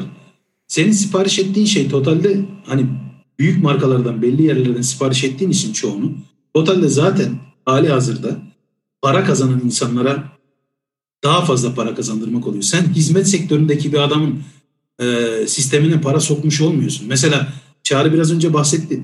Berber etkileniyor bu durumda. Kuaför etkileniyor. Hizmet sektöründeki insanlar çok daha fazla etkileniyor. Hani bunu evet alışveriş yapmayın demiyorum ben. Söylemeye çalıştığım şey şu. Temel ihtiyaç maddelerinde insanlar zaten alışveriş yapıyor. Bir şekilde yapmak zorundasın. Makarna, karabiber vesaire. Ama ya şeyden çıkmayacaksın bak evden çıkmayacaksın. 45 gün 50 gün belki hiç muhatap olmayacaksın dünyayla. O ayakkabı alışverişini sonra gidip yapma demiyorum. Gidip mağazadan yapabilirsin ortalık. İşte mağaza kalmayabilir diyorum. Onu söylemeye çalışıyorum. Yani şöyle ki ille gidip de e, şeyden almıyorsun ki. Yani birçok dükkan e, işte N11 gibi ne bileyim işte Trendyol gibi e, e-ticaret sitesine gidip kaydolup e, şey yapıyor. İşte hepsi burada da e, hani siz daha iyi bilirsiniz de birçok e, şey var mağaza var. Hani irili ufaklı. Yani bundan 45 gün sonra yani bu orada... biraz şey gibi oluyor ya. Ben sokağa çöp atmazsam çöpçünün işi olmaz elinden alınır gibi oluyor. Çok benzer bir yaklaşım oluyor. Hayır. Yanlış mı düşünüyorum? Hayır, kesinlikle. Yani şöyle e, sok, sok yani e, sokağa çöp atmazsan ne olur? O adam daha anlamlı bir işte çalışır. Ama bu öyle bir şey değil. Ya şimdi mesela ben e, hani Barış'ı biliyorsun. Barış'tan alışveriş yaptım. Hı hı. E, Barış'tan ben de alışveriş yapmasam ne olacak? Barış'ın da e, şeyi var. E, vadeli parası var. Yarın bir gün işte çek vermiş. E, onu ödemek zorunda bu adam. E ben ya bu söyle bu ha. söylediğim şey alışveriş yapmamak değil tekrar söylüyorum. 15 çift ayakkabım varken 16.yı alma. Yani bir tane iki tane örnekle karşılayamayız biz bunu. Burası 83 milyonluk bir ülke. Yaş. Pardon. Burası 83 milyonluk bir ülke. Burada çalışan insanlar var ve hani çok ciddi ağır yük altındalar ve kargoculardan çok ciddi şey geliyor. Alışveriş yapmayın değil bu. İhtiyacınız olan kadar alın ya da ihtiyacınızı alın demek. Bu başka bir şey. Bence aslında Mustafa da seninle aynı paralelde bir şey söylüyor. Belki şöyle alışveriş yapma değil de önceliklerini sıra, sıralandır. Ya bir, bir şey söyleyebilir miyim? Şu anda kargocuların daha çok çalışması dünyanın en normal şeyi. Nasıl normal? Şöyle söyleyeyim. O kadar olağan dışı bir durum oldu ki tüm para, tüm piyasa durdu. Yani bizim bildiğimiz anlamdaki insanlar gidip alışveriş yapamaz hale geldi. Ve dolayısıyla insanlar ihtiyacı olsun olmasın. Sonuçta sokakta alışveriş merkezine gittiğin zaman oradan tutup çevirdiğin insanlardan kaç tanesi ihtiyacı olan malı alıyordu? Şimdi de aynı oranı hatta daha da fazla ihtiyacı olmayan malı alan var şu anda. Çünkü insanlar böylece kendilerini avutuyorlar. En azından şu anda. Psikolojik olarak bir yardımcı gibi. Ama konu bu da değil. Konu şu. Nasıl savaşa girersek yarın bir gün askerler savaşacak bizim için. Diyelim ki profesyonel askerler ya da koronavirüs olduğunda doktorlar ön cephede duruyor. Aynı zamanda yani bunu rasyonelize etmek için söylemiyorum. Gerçek bu. Kargocular daha çok çalışacak. Yarın bir gün yani elektrikle ilgili büyük bir sıkıntı olsa ki olabilir. Bu sefer de ben gece gündüz gidip çalışacağım. Çağrı gece gündüz gidip çalışacağım. Yani ben mevzuyu bu kadar hani tamam anlıyorum söylediğiniz şeyi doğru da ama, ama bak Mustafa'nın söylediği çok kıymetli bir şey var. Sen diyorsun ya 16. ayakkabıyı alma diye. O 16. ayakkabıyı almadığı zaman batacak firmalar var. O firmalar battığı zaman da evine ekmek götüremeyecek çok fazla insan. Kapitalizm böyle bir sistem. Mesela e, YouTube'da İkbal şey İkbal diyorum pardon İlkay bir yorum yapmış. O da benim iş yerinden arkadaşım selam olsun. Demiş ki hani makinalar da ya da şirketler de makinalaşma, adaptasyon canavarı haline geldi. Onlar da bir şekilde buradan kurtulamaz mı filan gibisinden söylemiş. Ya abi şirketlerin bize ihtiyacı var. Kapitalizmin bize ihtiyacı var var olmak evet. için. Var evet. olmak için. Ve biz de kapitalizmde mutal bir ilişki içinde olduğumuzda şu anda gene Mustafa'nın dediği gibi bu sistemi korumak durumundayız. Ama yarın bir gün bir alternatifini buluruz fikirsel olarak ya da aktif olarak onu destekleriz. Onunla yolumuza devam ederiz. Fakat şu durumda insanların alışveriş yapması gerekiyor. Yapılmazsa ortaya çıkacak kaos çok daha büyük olur. Bizim ülkemizin yöneticilerinin şu anda e, üretimi durdurmamamız lazım derken kastettiği şey aslında buydu. Bugün bir istatistik geldi. Amerika Birleşik Devletleri'nde 26.4 milyon insan işsizlik maaşına başvurmuş. Yeni 26.4 milyon insan. Korona sürecinin başından beri. Şunu, Beyaz diş oturumunda söyledim. Pardon devam et Eren. Şunu söylemek istiyorum tüm bunlar olurken. Ee, eskiden para yoktu abi ve do, dolayısıyla krizler oluyordu. Şimdi para fazla. Bak tüm dünya ülkeleri para basıyor. Çılgınlar gibi. Dolaşımda olan para koronadan önce hani fiziki olarak diyelim dolaşımda olan paranın toplam tutarı 1.2 trilyon dolar civarındaydı. Bunun hani borçlar şunlar bunlar hariç. Peki korona sürecinin başlamasından bu yana Amerika ne kadar para bastı? 2.2 trilyon dolar. Japonya 1 trilyon dolar bastı. Almanya 1 trilyon dolara yakın pompalayacak piyasaya Norveç gerekirse 1 trilyon bende var dedi. Herkes trilyon dolarlardan bahsediyor. Abi bak bu paraların bir karşılığı yok ha. Herkesin unuttuğu şey. Bu paraların para, evet. herhangi bir karşılığı yok. Eskiden yani Lidyalılar zamanında adam diyordu ki ya ben bir kilo buğdayım var bana bir kilo et verir misin? Ha veririm. E, ama ticaret karmaşıklaştıkça e, bu işin içine tuğla girdi, bu işin içine canlı hayvan girdi, şu girdi, bu girdi. Takas sisteminde bir convertible bir şeye ihtiyaç duyuldu, bir metaya ihtiyaç duyuldu. Adamlar da dediler ki ya kardeşim biz değerli bir maden var zaten altın hali hazırda değerli maden olarak kullanıyoruz. Bundan para basalım ya da gümüşten daha az değerli ya da bronzdan ki onu bile silah yaparsın. O da kıymetli bir metaldir. Bunları bir şekilde bir convertible yani değiştirilebilir bir malzeme parayı yani e, metalar arası bir araç olarak kullanalım dediler ama kendine ait bir değeri olsun. Bu içinde bulunduğumuz yüzyılın başından bu yana bunu daha doğrusu 1960'lardan petrol dolardan bu yana bu iş bozuldu. Bu iş bitti. Herkes diyor ki ben eskiden altın rezervi karşılığı para basılırdı. Şimdi o da yok. İstediği kadar para basıyor. Kızılderili atasözünün dediği gibi son ağaç kuruyup son dere sustuğunda, son balıklar öldüğünde beyaz adam paranın yenmeyen bir şey olduğunu anlayacak. Beyaz adam paranın yenmeyen bir şey olduğunu anlamaya başladı. Şu anda benim yaşadığım bu mahallede herkesin diyelim ki 1 milyon lira nakit parası var. Sonra ne işe yarayacak bu para? Yani bir anlamı yok ya da 1 milyon dolar olsun. Bir tane domates ediyor mu o 1 milyon dolar? Etmiyor. O domatesin meblağı onu üreten ya da onu satan kişilere bağlı tamamen. Benim anlatmaya çalıştığım şey bu aslında. Hani korona sonrasını konuşalım derken de aslında hep buraya gelmek istiyordum. Büyük değişimleri yaşayan insanlar tarihin her döneminde büyük değişimleri yaşadıklarının farkına varamamışlardır.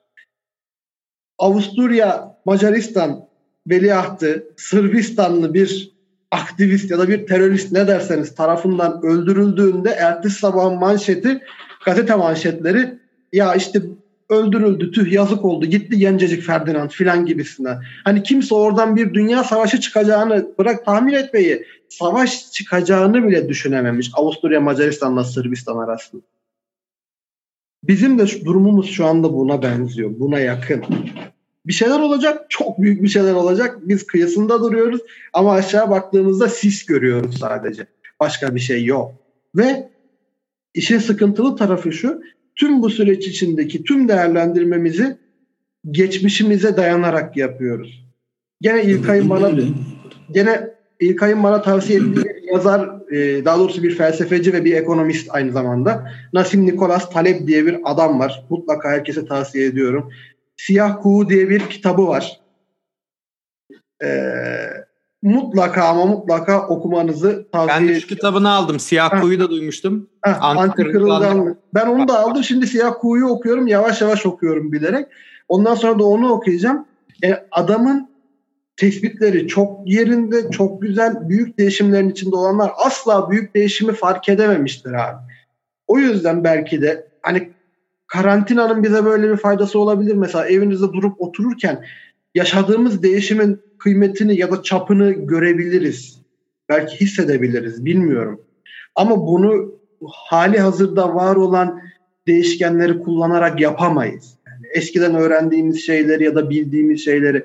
Çünkü insanlar artık şunu görecek mesela eskinin beyaz yakası ben bir gün işe gitmezsem ya da patronlar insanlar işe gitmezse ne olacak falan benim şirketim batar diye düşünüyorlardı.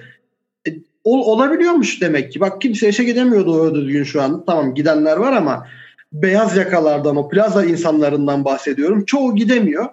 E şirketler battı mı abi? Hayır devam ediyor. E demek ki bu olabiliyormuş. Bize kafamıza vura vura buna doğa deyin, yaradan deyin, evren deyin fark etmez. Bize bunu gösteriyor bir güç. Hani inandığımız şeylerin aslında koca birer yalandan ibaret olduğunu diyerek tamamlayayım şimdi.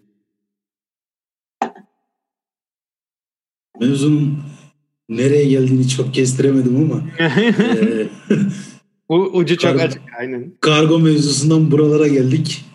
Ee, Bunlar çok karışacak. Vaziyet alın dedi Eren. Yani evet karışacağını 3 aşağı 5 yukarı düşünüyoruz ama ben aslında biraz Eran'a versek sözü. Eren bu işin ekonomi tarafında bayağı iyi. Ben hemen öncesinde bir araya girip ondan sonra Eran'a versem. Yani şimdi şeyim ben e, bu Mustafa ile senin hani konuştuğumuz nasıl e, ekonomiyi döndürürüz işte insanlara faydalı oluruz falan gibi hani konularda yani e, işte bir taraftan katkı sağlarken bir taraftan hani çok da katkı sağlayamıyor olabiliyorsun. Yani mesela e, geçen işte bir podcast dinlerken çok güzel bir örnek e, duydum. Mesela Amerika hani şu an e, çok zengin bir ülke ama ona rağmen bu pandemiyi hani iyi yönetemiyor. Hatta hiçbir ülke iyi yönetemedi yani neredeyse. Belki Almanya iyi yönetti biraz diyebiliriz. E, diğerleri işte ya şansla ya bir şeyle iyi giden var. Şanstan dolayı kötü giden var. Ee, işte Amerika çok zengin bir ülke. Vatandaşlarından vergi toplamayı çok iyi biliyor. Her birinden çok güzel topluyor. Hatta her birine de kendisinden beyan ettiriyor yani. Söyle bakalım ne kadar kazandın ey vatandaş deyip ondan sonra da takır takır alıyor vergisini. Ama bir yandan da şu an işte belli kesimler paraya ihtiyacı var. Hani işsiz kalan var ne bileyim işte geliri bozulan var ama onlara aynı hızla aynı çeviklikle parayı dağıtamıyor. Hani 2 trilyon doları bastı da yani o, o öyle durursa kağıt olarak bir işe yaramıyor yani döndüremezsen. E, Eren'in de e, söylediği gibi. Ben burada özellikle biz hani birey olarak e, Dilşat senin bir önceki bölümde söylediğin şeye çok katılıyorum. Hani biz çevremizle başlayalım. İlk kendi halkanla başla, ailenle başla. İşte ondan sonra tanıdığın eşin, dostun, birlikte iş yaptığın arkadaşın, aynı işte sırayı paylaştığın e, lise arkadaşın hani bunlarla başla. E, çünkü belki işte işsiz kalmış olabilir, geliri düşmüş olabilir. Yani böyle çok ters bir pozisyonda kalıp işte bir sürü borca girmiş olabilir. Evine ekmek getiremez hale gelmiş olabilir ve hani gurur yapıyor olabilir. Hani bence etkiye oradan başlamak lazım. Hani ne bileyim ben bir ayakkabı daha almam da e, eşi dostu ararım. Var mı bir ihtiyacın hani ya da işte tanıdığın bir ihtiyacı olan biri var mı derim. Eğer kendi çevremde yoksa. Bunun niye daha değerli olduğunu söyleyeyim. Ben aslında ya devlet şu an bunu yapamıyor. Çünkü kimin evde kaldı hangi mesela şey Türkiye'yi düşünelim. eve temizliğe giden kadınların ya benim tahminim %90'ı falan kayıt dışıdır. Devlet bilemiyor ki onun geliri var mıydı yok muydu. Ama ben biliyorum benim evime gelen Hülya abla şu an hiçbir eve gidemiyor. E ben ona parasını göndereyim ki en azından gelmese bile eve. En azından evine ekmek götürebilsin yani. Bence bu Ekonomik anlamda da aklıma şu olarak. Çağrı. Hani bu, bu söylediğini daha değerli buluyorum ben. Balon talep yaratmamış oluyorsun. Yani mesela şu an deli gibi atıyorum yaş maya talebi var. Herkes evinde kaldığı için deli gibi yaş maya alıyor. Ama diyelim ki hali hazırda bir ay, iki ay, üç ay sonra mevzu biraz daha normalleştiğinde o şu an ortaya çıkan yaş maya talebi ortaya çıkmayacak. E adamın elinde kalacak mal. Satamayacak, eskisi gibi olmayacak. Yani balon talep yaratmaya gerek yok. Ben yardım mevzusunu daha anlamlı buluyorum. Mesela Mustafa, biraz önce Mustafa'nın verdiği örnek Barış bizim tanıdığımız çocukluk arkadaşımız. Ee, aynı zamanda akrabamız. Ayakkabı satıyor. Oradan ayakkabı alması Mustafa'nın aslında çevresine yaptığı bir elinden geldiğince bir şey oluyor. Bunu biraz daha anlamlı buluyorum. Doğru olduğunu söylemiyorum ama benim kafam hani şu an için böyle çalışıyor. Hem de balon talep yaratmamış oluyorsun. Fazladan şeye yük bindirmemiş oluyorsun. Erhan ne der veya işte Mustafa yeniden söz almak istiyor ne der bilmiyorum. Yok, Erhan'dan sonra konuşayım ben o zaman. sen sen gir ya Mustafa yani bu konuyla ilgili muhtemelen sonra Eran'a dön- dönelim. Ya ben aslında e, söylemeye çalıştığım e, şey şuydu. Yani piyasaya e, para akışı sağlamak. E, yani görece tuzu kurular olarak, e, devlet memurları olarak bir nebze olsun e, para akışı sağlamak. Hani benimkisi bir yol. E, ben e, yaptığım şeyin e, ahlaki zemininden bahsettim. Yani e, eğer şeyi tartışıyorsak e, bu alışverişteki hani ihtiyaç e, ya da işte hani zaruret durumunu tartışıyorsak o ayrı bir konu. Ama ben ihtiyacım olmayan, e, çok aşırı ihtiyacım olmayan şeyler ya aslında özüne döndüğünde zaten insanın neye ihtiyacı var ki? Yani hani ekmek ve suya ihtiyacı var. E, çünkü ihtiyaç kavramı çok değişik bir kavram. E, kesinlikle sınırlandırılamıyor. Yani e, nasıl diyeyim? İşte e, yani hemen her şey lüks gözüyle bakılabilir. E, e, kişinin hani norm e, norm çizgisine göre değişir bu durum. E, ya ben o yardım ya yardım bana çok şey geliyor ya. Yardım yardım kavramının kendisi bana çok ters geliyor. E, yani niyetim piyasaya para sürmek ama bunu hani yardım olarak ifade etmek bana biraz ters geliyor. O yüzden ben bu yolu seçiyorum. Ha mesela şu da olabilir. Mesela abimin e, dediği hani güzel bir şey. İşte senin e, niyetlendiğin şeyin e, yani niyetlendiğin şey olmayabilir. Yani daha zenginin zengin edebilirsin. İşte o para aslında dağılması gereken yere dağılmayabilir diyor. Ama ben e, eylemimin dediğim gibi hani gerekçesinden bahsettim. Dolayısıyla e, hani evet olmayabilir ama ben alışveriş yapıyorum. Alışveriş e, yapmamdaki gaye de bu. Sadece bunu ifade ediyorum. Yani diğer kendini avutanlardan e, değilim. Yani e, bilinçli olarak alışveriş yapıyorum. E, onu söylemeye çalıştım. Aynen teşekkürler Mustafa. Yani zaten hepimizin kafası karışık bu konuda. Yani bir şekilde katkı sağlamaya e, imkanı olan e, çalışması bence güzel bir şey e, en nihayetinde. Zaten yani e, devletler birçok şirkette bir şeyler yapmaya çalışıyor. E, Bir şey söyleyeceğim. Çok çok ufak bir araya girmek istiyorum. Hani e, espritüel bir şey oldu. Bana komik geldi en azından. Kapitalizmin çöküşüne karşı bulduğumuz en güzel sistem bir nevi sosyalizm olması da burada böyle düşündürücü hani yardımlarla böyle yürüyen efendim Ama şöyle bu belirtmeden geçemedim. şu geçici dönem için abi şöyle düşün. Abi ironik ama ya hayır şey değil. Ee, Sistem değişikliğinden falan ben hiç bahsetmiyorum. Ben diyorum ki şu an evine ekmek götüremeyen tanıdığım bir insan varsa, tanıdığımın tanıdığı Tamam. varsa ona yardım edeyim diyorum yani. Bu kadar tamam basit. onu zaten ben şu an zor bir durumdayız. Bazı insanlar dışarı çıkamıyor, adım atamıyor yani. aynen hastası bak olan var. şu anda şu, İşini şu yapamayan var, yapamadığı için para kazanamayan var. Yo yo bak ona katılıyorum. Şu ekipteki herkesin de zaten bunu yaptığını ben biliyorum. Öyle ya da böyle. Benim sadece söylemek istediğim hani genel olarak çöken bir ya da diz çökmüş bir sistem var ki hiçbir şey olmaz diye düşünüyordu kapitalizme. Ee, tamam ölmedi. Belki ölmeyecek de belki de ölecek bilmiyoruz ama buna bizim çare olarak bulduğumuz şeyin bir çeşit sosyalizm olması ironik geldi. Hani tanımı gereği ironik geldi. Marx, Marx şimdi gelse ben demiştim der. Bak yine Aynen. kendi kendi sınıfımızı sahiplenip kendi sınıfımızı korumaya çalışıyoruz. Patronla Aynen. bir derdimiz yok. Aman orta direk ölmesin, aman alt gelir grubu ölmesin onun derdindeyiz. Yine mevzuya sınıfsal bakıyoruz. Benim çok hoşuma gidiyor aslında bu mevzu. Eren güzel değindi. Erhan'ın yorumlarını çok merak ediyorum. Eren Evet ben sen de. bir iktisatçı olarak ne diyorsun? Yani, e, iktisatta şöyle bir kavram var. Homo economicus sayılıyor insan. Yani şey e, ekonomik davranışlarında mantıksal davranan bir tür. Mantıksal davrandığını farz ettiğin için de hesaplamaların içine, matematiksel hesaplamaların içine koyabiliyorsun davranış alışkanlıklarını. Yani o yüzden hani e, insanlar zaten konuştuk hani yeni şartlara adapte olacak durumdalar. Mustafa'nın dediğinin bir mantığı var. Hani alın verin ekonomiye can verin diye bir slogan vardı vakti zamanında. Doğru alışveriş, tüketim, paranın dolaşımı bir ekonomiyi büyütür. Ekonominin büyümesi de herkesin ortalama refahını en azından matematiksel olarak arttırır.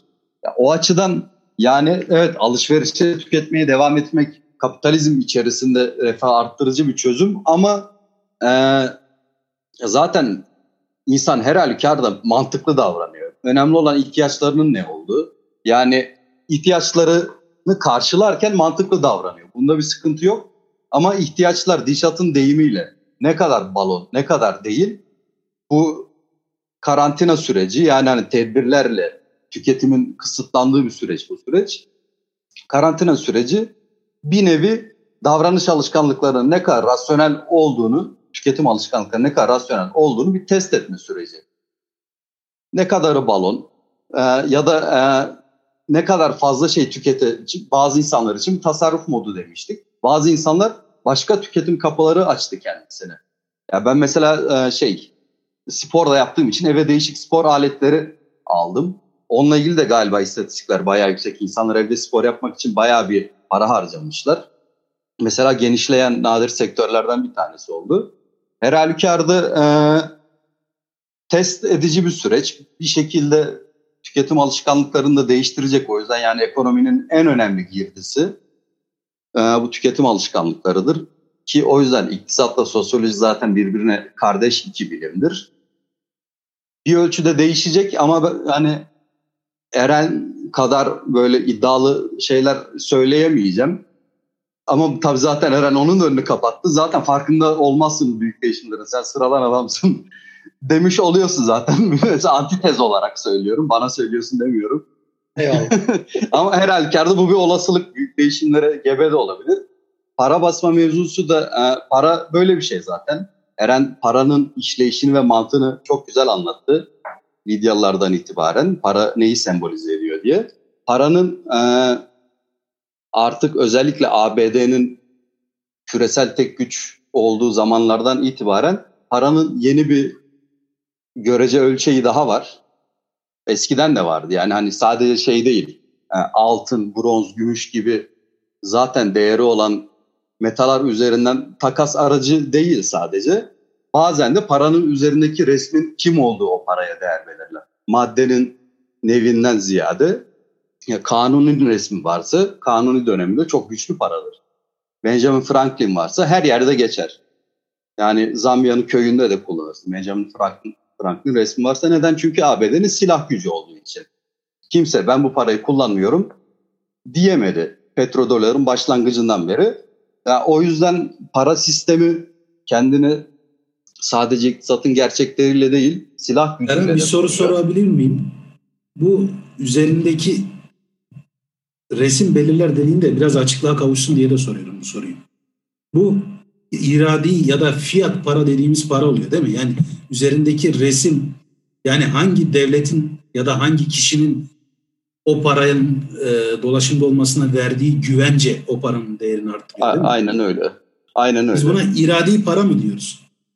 Ya bu diyebilirsin. Bu sadece aslında hani güvence gibi tatlış bir kavram da değil. Çünkü e, silah faktörü var işin içerisinde. E, politik şeylerden bahsetmek istemiyorum ama Kaddafi'nin sonunu getiren ne olduğunu bütün dünya biliyor. Aşikar bir şey olduğu için söylüyorum. E, do- petrol alışverişinde dolar değil de euro kullanalım önerisinde bulunmasıydı. Yani gerçekten de bu düşüncede olmasıydı. Buna mesela ABD asla tahammül etmez ve e, müsaade etmez. Bu çünkü kendi gücünün, doların gücünün sonu demektir. Çok bu çok bariz iktisadi bir gerçek. Öyle olduğu için de gereken silahlı müdahaleyi anında yaptı ve bu konuyu kapattı. Yani hayır dedi petrolün değeri dolarla belirlenecek. Bu iki kere iki dörttür ki benim doları ben güçlü para olmaya devam etsin diye. Yani demem o ki şu e, kapitalizmde şöyle bir şey var. Şu andaki devletlerin büyük büyük çoğunluğu kapitalizmle entegre durumdalar. Yani biz kapitalist düzenin içerisinde bir devlet olarak var olmak istiyoruz diye çoğu açık açık beyan dahi etmiş devletler. Bizim devletimiz de buna dahil. Türkiye Cumhuriyeti de yani e, bu sisteme entegre olarak kurulmuş bir devlet. Böyle olduğu için bu yardım meselesine geldiğimiz zaman yardım meselesi e, böyle doğal afet, salgın gibi durumlarda devletin hem sosyal devlet olanlar için zaten görev ama devletin sosyal devlet olmasa bile sistemin sürdürülebilirliği için bir nevi görevi çünkü kapitalizme entegreysen ona göre davranman gerekir devlet olarak. Mesela ABD e, sosyal devlet değil. ABD tam kapitalist, liberal bir devlet. Yani o yüzden hani evsizi çoktur falan düşen devletin umurunda değildir. Hasta olan parasını vermiyorsa, sigortası yoksa devletin umurunda değildir. Ama ABD bile vatandaşlarına belirli miktarda para dağıttı. Yani ABD bile en şey liberalizm konusunda en uç noktası ABD çünkü. O bile vatandaşlarına para dağıttı. Çünkü e, bu kadar çok sayıda sektörün durması, yavaşlaması, bu kadar çok sayıda insanın işsiz kalması artık e, bir yardım ya da sosyal bir meseleden ziyade kapitalizmin yani sistemin sürdürülebilirliği meselesi. E, sürdürülebilirlik için bu yardım hani e, tulumbadan bazen su çekmek için bir kova su koymanız gerekir. Ki daha su çekmeye devam edebilirsiniz. Döngü başlatabilmek için. Onun gibi bir şey devletlerin bu yardımları. Ya tabii e, tabii ki vicdanen ve ben, ben şahsen e, kimsenin yardıma ihtiyacı olmayan bir düzen tercih ederdim. Ama Mustafa'nın şu konudaki bakış açısı haklı. Yani yerine alternatifini oturtmadan ya da planlamadan yani kapitalizmi de aşırı başıboş bırakmak, insanları başıboş çok fazla kaderine bırakmak yani gidişatı çok fazla kaderine bırakmak da e, daha büyük felaketlere, trajedilere de yol açabilir. E, bu tür şeyler ölçülebilir, hesaplanabilir şeyler. Yani ne kadar değişiklik olacak ekonomide, insanların davranışları ne kadar değişecek, dolayısıyla sistemin işleyişi ne kadar değişecek bunlar zaman içerisinde ölçülecek, ölçülmeye çoktan başlanmıştır bile. Yani şu an akademi içinde değilim, bilmiyorum ne bulgular bulundu. Ama her halükarda e, kapitalizmin öyle bir özelliği var. İnsan doğasına yakın, insanın tamahkar doğasına yakın bir sistem olduğu için yani hani vahşi doğaya yakın bir sistem olduğu için haliyle kendini hızlı onarabilme ve yeni durumlara adapte edebilme özelliği var kapitalizmin. Hani diğer ekonomik sistemler gibi narin, kırılgan bir sistem değil. Zaten bahsettik ya en kötü ihtimalde silah gücünü ortaya koyup yine kendini devam ettirmeyi başaran biraz vahşi yönlü bir sistem. Öyle olduğu için bir şekilde oturacaktır diye düşünüyorum ama yani yaşayacağımız değişikliklerinde hatırı sayılır olacağı oranda olacağı, miktarda olacağı konusunda Eren'le fikrim. Ee, İkbal senin bir söyleyeceğim var galiba. Pardon. Bir şey söylemek istiyorum da şimdi Eren de Erhan da benzer iki ifade kullandılar.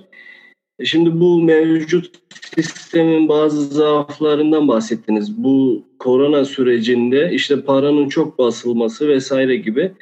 Dolayısıyla yeni bir sistem bulunmadan bu sistemin terk edip e, sistemin terk edilip yeni bir sisteme geçilmesinin imkansız olmasından falan bahsettiniz ama sanki bana bir geçiş olacaksa bu bir buluşun üstüne değil de ihtiyaçların, doğan ihtiyaçların üzerine bir geçiş olur gibi geliyor ve çok miktarda paranın üretiliyor olması bugünlerde, korona günlerinde sanki e, paranın değerini düşürmeye başladığını hatırlatıyor bana.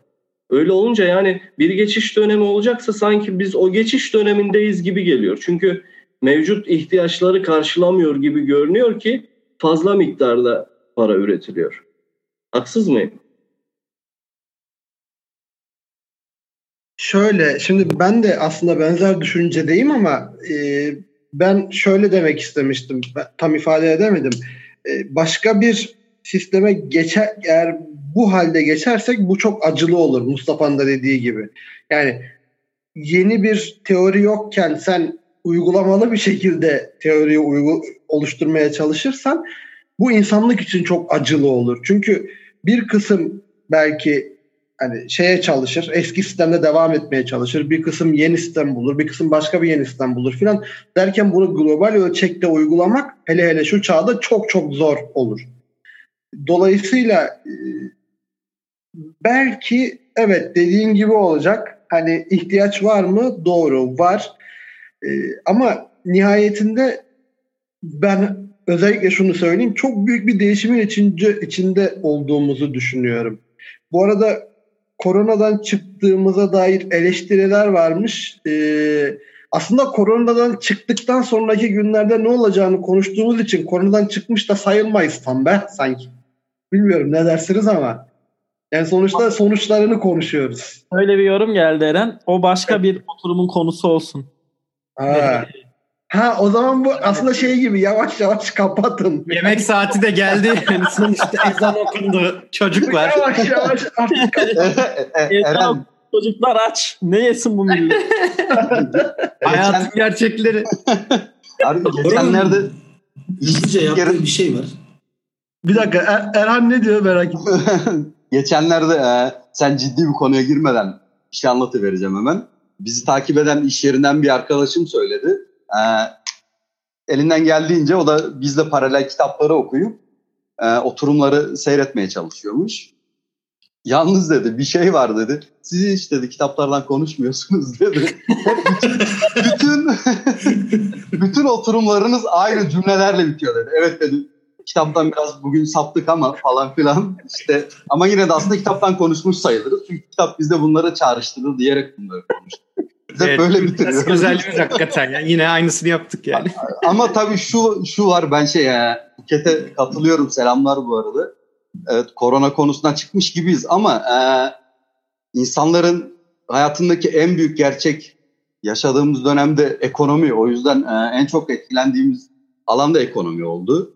Yani ben şanslı kesimden olmama rağmen ekonomik gelecek konusunda çok endişeliyim bu virüs salgınından ötürü. E, işsiz kalanlara ya da çok daha fazla riskli durumlarda çalışmak zorunda kalanlara, her iki kesim için de büyük bir sıkıntı. Ee, dükkanlarını kapatmak zorunda kalanlara hepsine sabır diliyorum. Yani gelecek için umarım her şey çok iyi olur herkes için. Ama aşırı zor bir durum. Yani evet sağlık bu bir salgın, hastalık. O yüzden bir sağlık meselesi. Ama görünen o ki yani sağlıktan çok daha büyük oranda ekonomiyi etkiler durumda. O yüzden de e, ekonominin gelecekte ne olacak yani haliyle hayatlarımızı nasıl olacağını konuşuyor durumdayız. Ya komik diye giriş yapmıştım da ben de geri ciddileştim. Çünkü yani? Hoşuna geldin orada. ya çünkü ben dünyanın en gamsız insanlarından biri olarak kendimi çok radikal dilime koyarım. Böyle binde bire, milyonda bire falan koyarım. Ama ben dahi bu kadar endişeliysem hayatı benimkinden daha zor olan insanlar... Erhan, Neyse. Lafını balla, balla bölüyorum da Buket diyor ki gelinin tavuğunu yerken zaten gamsız olduğunu diyor. Kadınların hiç unutmaması diye bir cinsiyetçilik. İyi ki tavuğunu yedik. Açıkça söyleyeyim Erhan işte benim düğünde geldi işte gelin damat odasına. Kanka dedi ben çok acıktım ya dedi. Dedim ki yani bir şeyler vardır hani masalara bak. Gitmiş orada benim buketin tavuğunu yemiş. ve halen buket anlatır ve Erhan halen tavuğumu yiyen çocuk diye biliyor. tamam. Tavuk yemeği sözüm var size. ya o zaman Bu- bir şey diyeceğim. Korona mevzusuyla ilgili bir şey söyleyeceğim. Aklıma hep geliyor. Daha geçen oturumda da söyledim. Bu yapay zekanın bize yapacağını yani belki 30-40 yıl içerisinde yapacağını korona pat diye yap.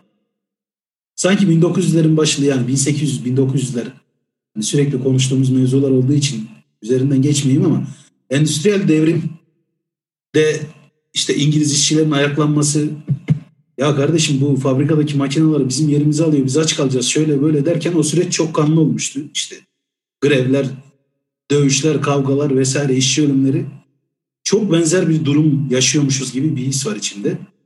Yani bu yapay zekanın gelişimi, otomasyon insanlığı şeye sürekli itiyordu hizmet sektörüne. Sürekli itiyordu. Yani fabrikadaki işlerimiz elimizden alınıyordu. İnsanın yapacağı mekanik işlerin çoğu elinden alınmıştı. Biz hep hizmet sektöründe insanlık olarak mecburi kayış yaşıyorduk. Korona geldi pat diye bu sefer hizmet sektörü de bir anda havaya uçunca aslında orta ve alt sınıfın ne yapacağını bilememesi durumu söz konusu. Yani belki 30-40 yılda belki 50 yılda aşamalı kademeli olarak gerçekleştirecek bir şeyi bu korona bize pat diye yaptı. Ve şu an e, hizmet sektörüne sıkışmış insanlık, orta alt sınıfı ne yapacağını bilmiyor. Siz böyle düşünüyor musunuz? Veya nasıl para kazanacağını bilmiyor. Siz böyle düşünüyor musunuz? Var mı böyle? Hizmet sektöründen ya şöyle abi hizmet sektörünün ya eğlence sektörünün ya da ne dersen adına onlar paralel gerçi farklı şeyler de hepsinin haddinden biraz fazla şiştiğini düşünmüyor muydunuz zaten ya? Yani ben öyle işte düşünüyorum. Bu biraz bu biraz mecburi olmuyor muydu sence? Yani abi yapay zeka diye bir şey var. Hatasız iş yapıyor. Binde bir hata bile yapmıyor. Yani, Hayır öyle değil. Ben o, onu, onu, onu öyle düşünmüyorum. Şöyle şöyle hemen bir toparlayayım. Mesela hizmet sektörü derken diyelim ki bir şirketin var. E, araba alabiliyorsun normalde. Değil mi? Şirketine araç alıp onu şirketin dahilinde kullanabiliyorsun. Ama diyorlar ki işte kiralama diye bir yöntem var. Ya kirala niye uğraşıyorsun ki? Hem vergiden düşüyorsun. Yani tabii çok karmaşık şeyleri var da. Abi buna gerek yok aslında düşündüğün zaman. Yani hani sadece tabii çok derin bunun teorileri vardır mutlaka da çok uzaktan ve çok basitçe bakacağım. Abi kiralamak daha pahalıya geliyor. Oturup hesapladığın zaman. Ve dolayısıyla sanki bu tarz hizmet sektörünün çoğu yani mesela nasıl söyleyeyim parti düzenleyiciler en basitinden tur şirketleri hani insanlığın kendi yapabileceği şeyleri basitleştirmek adına kurulmuş şirketlerdi bunlar ve şimdi yavaş yavaş bunların belki de fazla olduğu görünmeye başlandı. Bize bunu gösterdi. Bu arada bir şey daha ben söyleyeceğim. Bu koronavirüs bana şey gibi geliyor. Ee, koronavirüs karşısında ya da bu salgın hastalıklar karşısında e, Cortez tarafından işgale uğramış Güney Amerikalılar gibiyiz insanlık olarak. Yani hiçbir şey yapamıyoruz. Elimizde mızraklarımız var ama bronzdan mızrağı atsak bile çelikten sekip gidiyor. Yani adamlar sıka sıka öldürüyorlar abi. Hiçbir şansımız yok şu anda en azından. Dolayısıyla bana böyle geliyor ve umarım sonumuz Mayalarınki gibi olmaz ya da İnkalarınki gibi olmaz. Bu arada bir şey daha söylemek istiyorum. Yavaştan bitirsek mi? Evet aynen. E, yavaştan bitirebiliriz. Ee, yani son sözleri alabiliriz. Bu arada İkbal bir düştü geri geldi.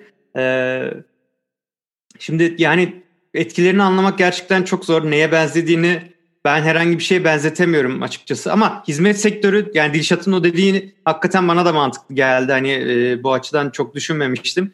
Hani bu e, yapay zeka zaten dediği gibi Dilşat'ın insanları hani reel sektörden, üretimden hani bir şeyler e, bir ortaya koymaktan hani bir meta ya da işte bir temel ihtiyacı ortaya çıkarmaktan ziyade işte hizmet sektörü ne yönelmişti. Eğlence sektörü hani orada iş buluyordu insanlar. Hani bu şekilde e, şekilde ekonomi dönüyordu ve hani böyle çok yani 1 milyar ya da 2 milyar işsiz gibi bir şey ortaya çıkmıyordu. Hani şu an aslında e, bunun gayet muhtemel olduğunu gördük. Yani şu AVM'lerin hepsi bir anda kapıyı kilidi vursan gene hayat devam ediyor yani bunu gayet gördük. E, ama bazıları direkt işsiz kalıyor. İşte yani çok büyük bir sıkıntı. Ama işte bunu belki de bazı yönlerden hızlandıracak, farklı bizi yönlere götürecek. Mesela hani daha fazla işte doktora, hemşireye ihtiyacımız olduğunu belki anlamışızdır.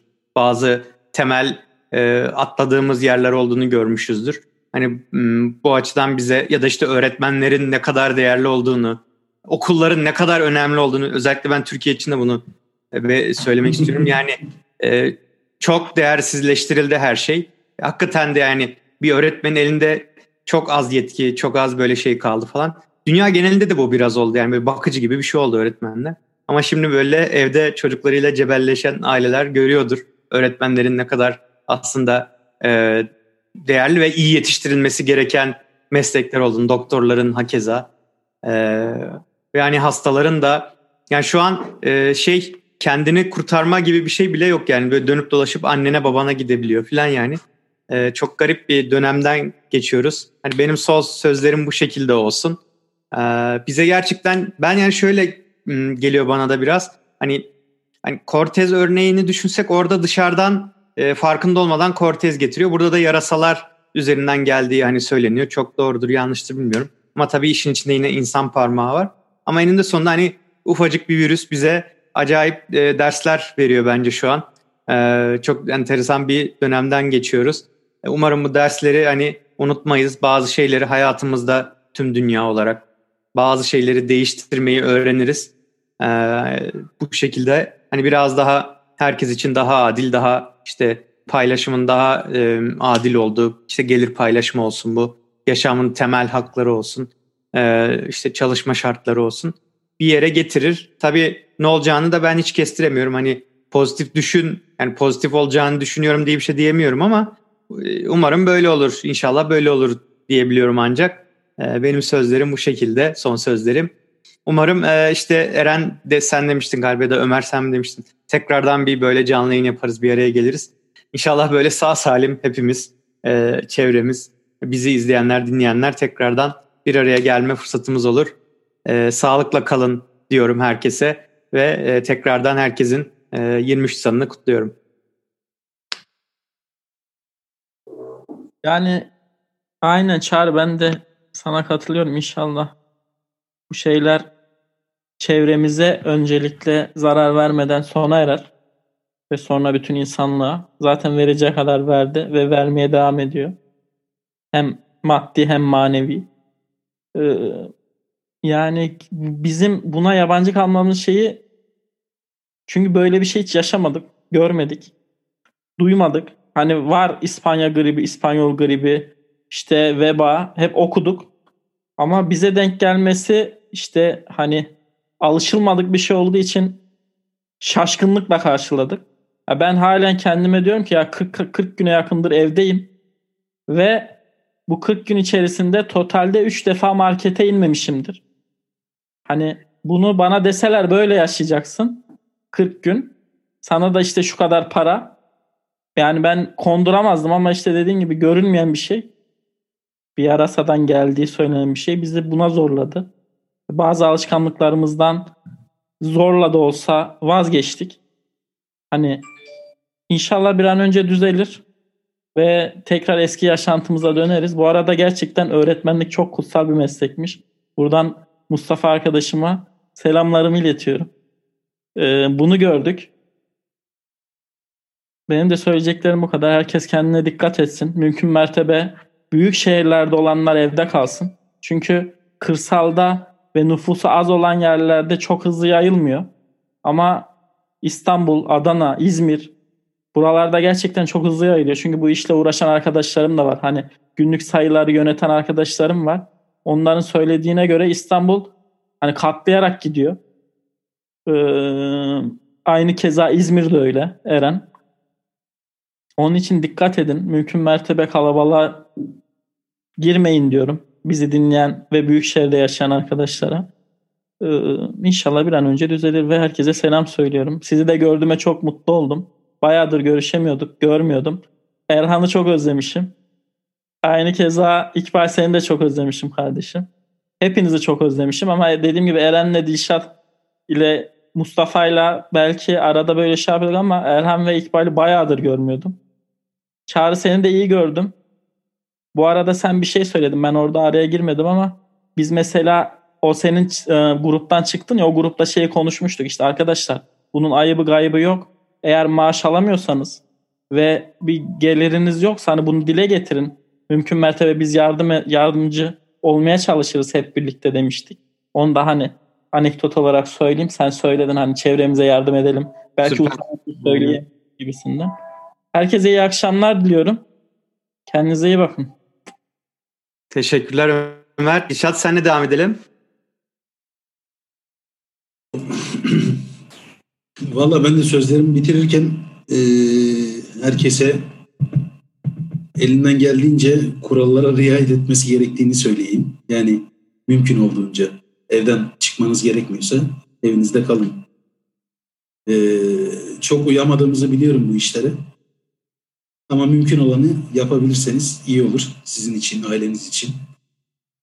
Ee, burada biraz daha farklı düşündüğümü söyleyeyim. Eğitim ve öğretim sisteminin gereğinin veya işte motivasyonunun sorgulanması gerektiğini düşünüyorum. Aslında özlediğimiz şey çocukların eğitilmesi ya da bir şeyler öğretilmesi mi yoksa evden uzak kalıp avutulmaları mı? Yani e, bence bunun cevabı e, her, herkesi ilgilendiriyor. Siz birçoğunuz yaptığınız çocuğu avutamayacak bir pozisyon olduğunuz için eğitim sistemini özlüyorsunuz yani. Öğretmenler bu yüzden değerli. E, klasik Anadolu şeyinde işte klişesini yapayım yani. Kadınlar şey derler en azından Çukurova'da duyduğum çok şey. Anam biz evde bir tanesiyle baş gelemiyoruz. Bu öğretmenler ne yapıyor? Kırkını nasıl idare ediyor falan. Çocuklardan böyle bahsediyorlar. Özlediğiniz ya da ihtiyaç duyduğunuz şey ne? Devletler aslında çocukları eğitiyorlar mı? Milli eğitim sistemleri çocukları eğitiyorlar mı yoksa avutuyorlar mı? Buraya bir göz atmak, bakmakta fayda vardır diye düşünüyorum. Ee, yardım yapmanın önemini en başından beri hem grup içerisinde arkadaşlara hem de etrafındaki insanlara kendi adıma söylüyorum. Mustafa'dan farklı bir yol tercih ederek ben yardım yapmanın kesinlikle gerekli olduğunu düşünüyorum ve aslında Mustafa da bence farkında olmadan söylediğim şeyi yapıyor. Yani en yakınındaki, çevresindeki insana bir şekilde yardım etmeye çalışıyor ama bunu yardım adı altında değil, alışveriş altında yapıyor. İnsanlar yardıma ihtiyaçlarının olduğunun bile farkında olmayabilirler. Yine tekrar edeceğim. Beyaz diş oturumunda da söylemiştim. Biz orta alt sınıf bunca zaman hiç şeyin hani yardıma ihtiyacı olan veya fakir insanlar olduğumuzun bile farkında olacak bir sınava tabi tutunmadık. Kendi yağımızda kavrulup giden insanlardık. Ama durum şu an öyle bir noktaya geldi ki birçok insan şu an olmasa bile birkaç ay sonra cidden yardıma ihtiyacı olan bir pozisyona düşecek. Etrafınızdaki insanlara, eşinize, dostunuza bu süreçte göz kulak olun ve olabildiğince onların ihtiyaçlarını sor, sorun yani bir şekilde bunun gerçekten ayıbı yok. Ee, Birçok sektör bu işten ciddi etkilenecek ve yine sınıfsal davranıp biz kendi sınıfımızı, orta alt sınıfı korumak e, refleksi geliştireceğiz. Ben en yakınımdaki insanların bundan olabildiğince az etkilenmesini isterim. Ve ona uygun da davranmaya çalışırım. Yine tekrar edeceğim bitirmeden yardımı mümkün olduğunca etrafınızı gözetmeyi unutmayın. Kendinize iyi bakın söyleyeceklerim bu kadar. Çok teşekkürler Dişat. Ee, bu arada hemen bir yorum da geldi Beyza'dan. Ee, Dilşat Hocam son anda çok konuşulacak bir konuya değindiniz. Bu konuyu başka bir canlı yayında ele almanızı çok isterim demiş. Aslında yani biz işte e, Erhan da dediği gibi e, işte bölümlerde böyle aralarda başka konulara değine değine de ilerlediğimiz için bu konu ilerliyor aslında. Bence ilerlemeye de devam edecek. Biz bölüm çekmeye devam ettikçe yani bu bu, bu konudan kastı et- şey galiba değil mi? Çocukların avutulması ya da eğitilmesi. Ha belki de onu demiş de olabilir. Çok onu, pardon. Onu söylüyor bence. Doğru onu söylüyor olabilir. Ee, evet o konuda da aslında şey hmm, birkaç tane oturumda yine bahsetmiştik aslında. Eğitimle ilgili işte Selçuk Hoca'nın e, Selçuk Şirin'in mesela e, kitabında biraz bahsetmiştik. Aynen o da bizim e, gündemimizi e, dolduran bir e, konu. Hala tek çocuğu olan kişi benim yanlış değilsem ama e, çocuk çocuklu olanlarımızın sayısı arttıkça e, daha da bu konuyu konuşacağız gibi geliyor bana.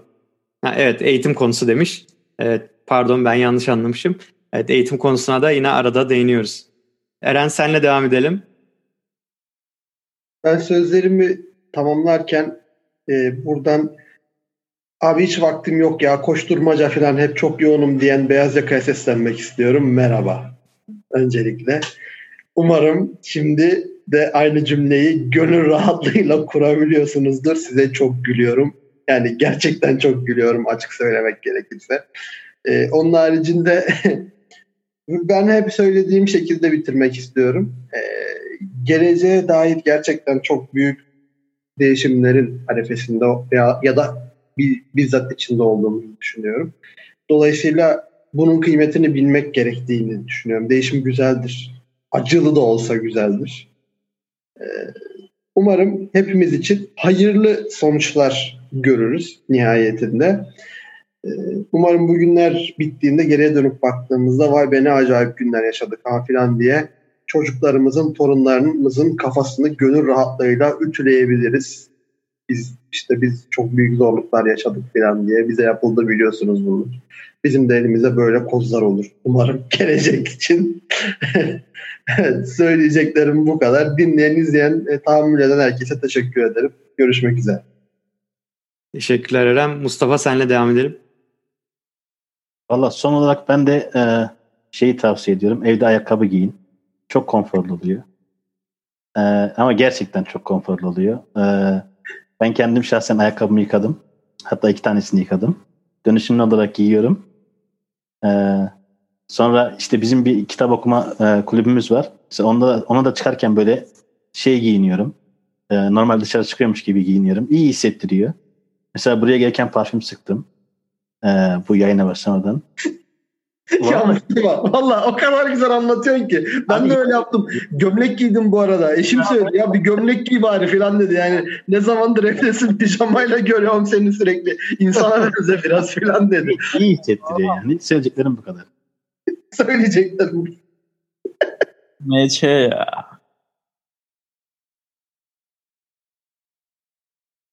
Ee, Mustafa senin de var mıydı söyleyeceklerin? Tam Yok, bu kadar. Bu kadar. Ha, tamam. Tamam teşekkürler. Evet aslında güzel oldu. Bazen bazı rutinleri unutuyoruz. Evde ayakkabı giymek o da enteresan bir fikirmiş. Onun için ilk kez dedim. Hani böyle kıyafet giymek falan işe gidiyormuş gibi oturmak falan resmi giymek. Hani ben de birkaç kere yapmıştım daha önceden. Ama üst, genelde üstte gömlek altta pijama devam ettim genelde. Ee, ama bu ayakkabı giymek de enteresanmış ya. Onu, o deneyimi de yaşamak adına olabilir. Balkonda falan ayakkabıyla dolaşmak olabilir aslında. Erhan senle devam edelim. Ee, şeyde Beyaz Diş oturumunda Dilşat'la bir bahsetmiştik. Ee, psikolog bir arkadaşla konuşmuştum. Ee, ya deliriyor olabilir miyiz acaba bu süreçten ötürü? Çünkü hani normalde hiç yapmayacağımız ve biri yaparsa deli diyeceğimiz şeyleri günlük rutin olarak yapıyoruz demiştim. O da bana yo hayır normlar değiştiği için aslında şu anda normal davranıyorsun. Delirdiğin falan yok merak etme demişti. Ee, bunu şöyle bir şeye bağlayabilirim. Akıl sağlığımıza da bu süreçte dikkat etmemiz çok önemli. Bunu hem çağrı ve hatırlatma olarak hem de kendi düşüncem olarak söylüyorum. Ee, hani ekonomik durumumuzu, hayatımızın gidişatını, sağlığımızı koruyacağız diye akıl sağlığımızdan olmanın da alemi yok. Yani bu e, evet sıkıntılı ve zor bir süreç. Her şeyden önce alışık olmadığımız bir süreç. Ömer'in dediği gibi daha önce biz bir salgın falan yaşamadık. Ama her halükarda kendi normlarını oluşturdu ve yapmamız gerekenler, sorumlu olduğumuz şeyler var. Hepsi belli. Bunları akıl sağlığımızı koruyarak yapmaya devam etmemiz lazım. Er geç her şey normale dönecektir. Yani o yüzden çok da fazla karalar bağlanacak bir süreç de değil diye düşünüyorum ama tabii herkes için değil. Kim insanlar için de çok zor oldu. Ee, o yüzden sizin hem temennilerinize katılıyorum hem de hatırlatmalarınızı katılıyorum. Elimizden geldiğince bunun illa maddi, nakdi falan olmasına gerek yok. Çevremize yardımcı olup duyarlı olmamız çok önemli böyle bir durumda. Ee, ekonomik sınav demiştik, vicdani de sınav aynı zamanda. Ee, sorumluluklarımızı yani ben tek tek hatırlatacak değilim ama herkesin paylaştığı temennileri ben de paylaşıyorum aynı şekilde. Hmm, bununla ilgili bir oturum daha yapılır mı? Bence yapılır. Ben de sizi hem gördüğüme sevindim hem de epey konuşacak şeyimiz varmış. Son olarak söyleyeceğim şey de e, iyi ki internet var. İnternet olmasaydı ne yapardık? Hiçbir fikrim yok. O zaman gerçekten norm norm dinlemez. Ben delirirdim şahsen. Yani çok az insanla sağlıklı kalırdı herhalde diye düşünüyorum. İyi ki internet var. Son sözüm de bu benim. Evet hakikaten Şimdi... internetsiz şu an bir hayatı ben de şu an hayal edemedim yani gerçekten. Baya bir kıyım yaşardık herhalde ya. Acayip hızlı da çok çok daha hızlı. Ama tabii internet yok ama diğer her şey var gibi düşünsek tüm hızlı ulaşım şu an yani hepsi birbiriyle üst üste eklenerek oluşan bir sistem aslında. Ee, İkbal en son senin de sözünü alalım. Ee, vallahi verecek bir sosyal mesajım yok. Sizlerin verdiği güzel sosyal mesajların üstüne daha fazla bir e, mesaj vermeyeceğim. E, çok fazla söylenti var. İşte bu sürecin sonrasında yani inşallah sonrası olur. E, sonrasında iyiye gider, kötüye gider, şöyle olacağız, böyle olacağız gibi çok fazla olasılık var. E, temennim iyi olması yönünde. Güzel günlerin hatta eskisine göre, korona öncesine göre daha güzel günlerin gelmesini diliyorum. E, söyleyecek başka bir şeyim yok. Ekleyecek başka bir şey yok. Çok teşekkürler İkbal. Ee, ilk kez bu açık oturum formatını denedik. Ee, umarım e, sizin de hoşunuza gitmiştir. Bayağı da birikmiş bir konumuz vardı. Ee, 7 kişi bir araya geldik. Ee, mesela ilk kez aramızda olanlar oldu Mustafa gibi. İkbal de bu sefer yine koptu ama en azından e, büyük oranda katılabildi bu sefer. Bayağı bir kalabalık olduk. E, umarım bu açık oturumları devam ettiririz. Zaten e, hemen hemen hepimiz çoğu zaman evdeyiz. Yine benzer şekilde e, belki yine bir konu seçip başka bir konu seçip zaten öneriler de geldi sizlerden chat kısmında. Mümkün mertebe orayı da takip etmeye çalıştık. başka bir konu seçip yine bir açık kürsü yaparız. bunun dışında ayrıyeten bir kitap da seçtik bir sonraki kitabımızı. Onu da buradan hemen duyurayım ben. E, Sunzi'nin e, ya da Sanzu da deniyor galiba. E, Savaş Sanatı kitabını seçtik. E, ben bunu seçerken kitabı kısa bir kitap olarak tabii gördüm. E, böyle 50-60 sayfalık sonra Ömer bir tane bir for şeyini bulmuş versiyonunu böyle 380 sayfa falan. Hani ben kısa diye okuruz geçeriz diye düşünmüştüm ama e, herhalde böyle farklı e, daha böyle tefsir gibi mi diyeyim açıklamalı uzun detayları olan e, versiyonları da var herhalde. Zaten kısa olanı ben de okudum da çok çok çok özet gibi geldi bana yani böyle e, tam böyle en kısa nasıl olabilir diye böyle kıs, bayağı kısaltılmış geldi. Normalde çok uzun olabilecek bir kitap gibi geldi bana. E, bu kitabı konuşacağız. E, yani bunu zaten canlı yapmayız muhtemelen ama e, bu açık kürsü e, modunda hani daha e, kitap dışı konular gündem olabilir işte kendi yaşantımız olabilir farklı konular olabilir. Bunları konuşmaya da devam etmek istiyoruz bir yandan. Umarım e, sizin için de e, güzel bir deneyim olmuştur. Konu önerileriniz olursa da e, bize e, her türlü iletebilirsiniz. YouTube'dan, işte sosyal medyadan, Telegram'a gelip oradan iletebilirsiniz. Ya da işte bizim e, kitap öneri formumuz vardı. O forma da e, hani konu önerisinde açık kürsü önerisinde bulunabilirsiniz. Hani bu seriyi e, en azından şu evde e, çoğumuzun e, kaldığı dönemde devam ettirmeyi düşünüyoruz. Bir sonraki oturumda görüşmek üzere. Hoşçakalın.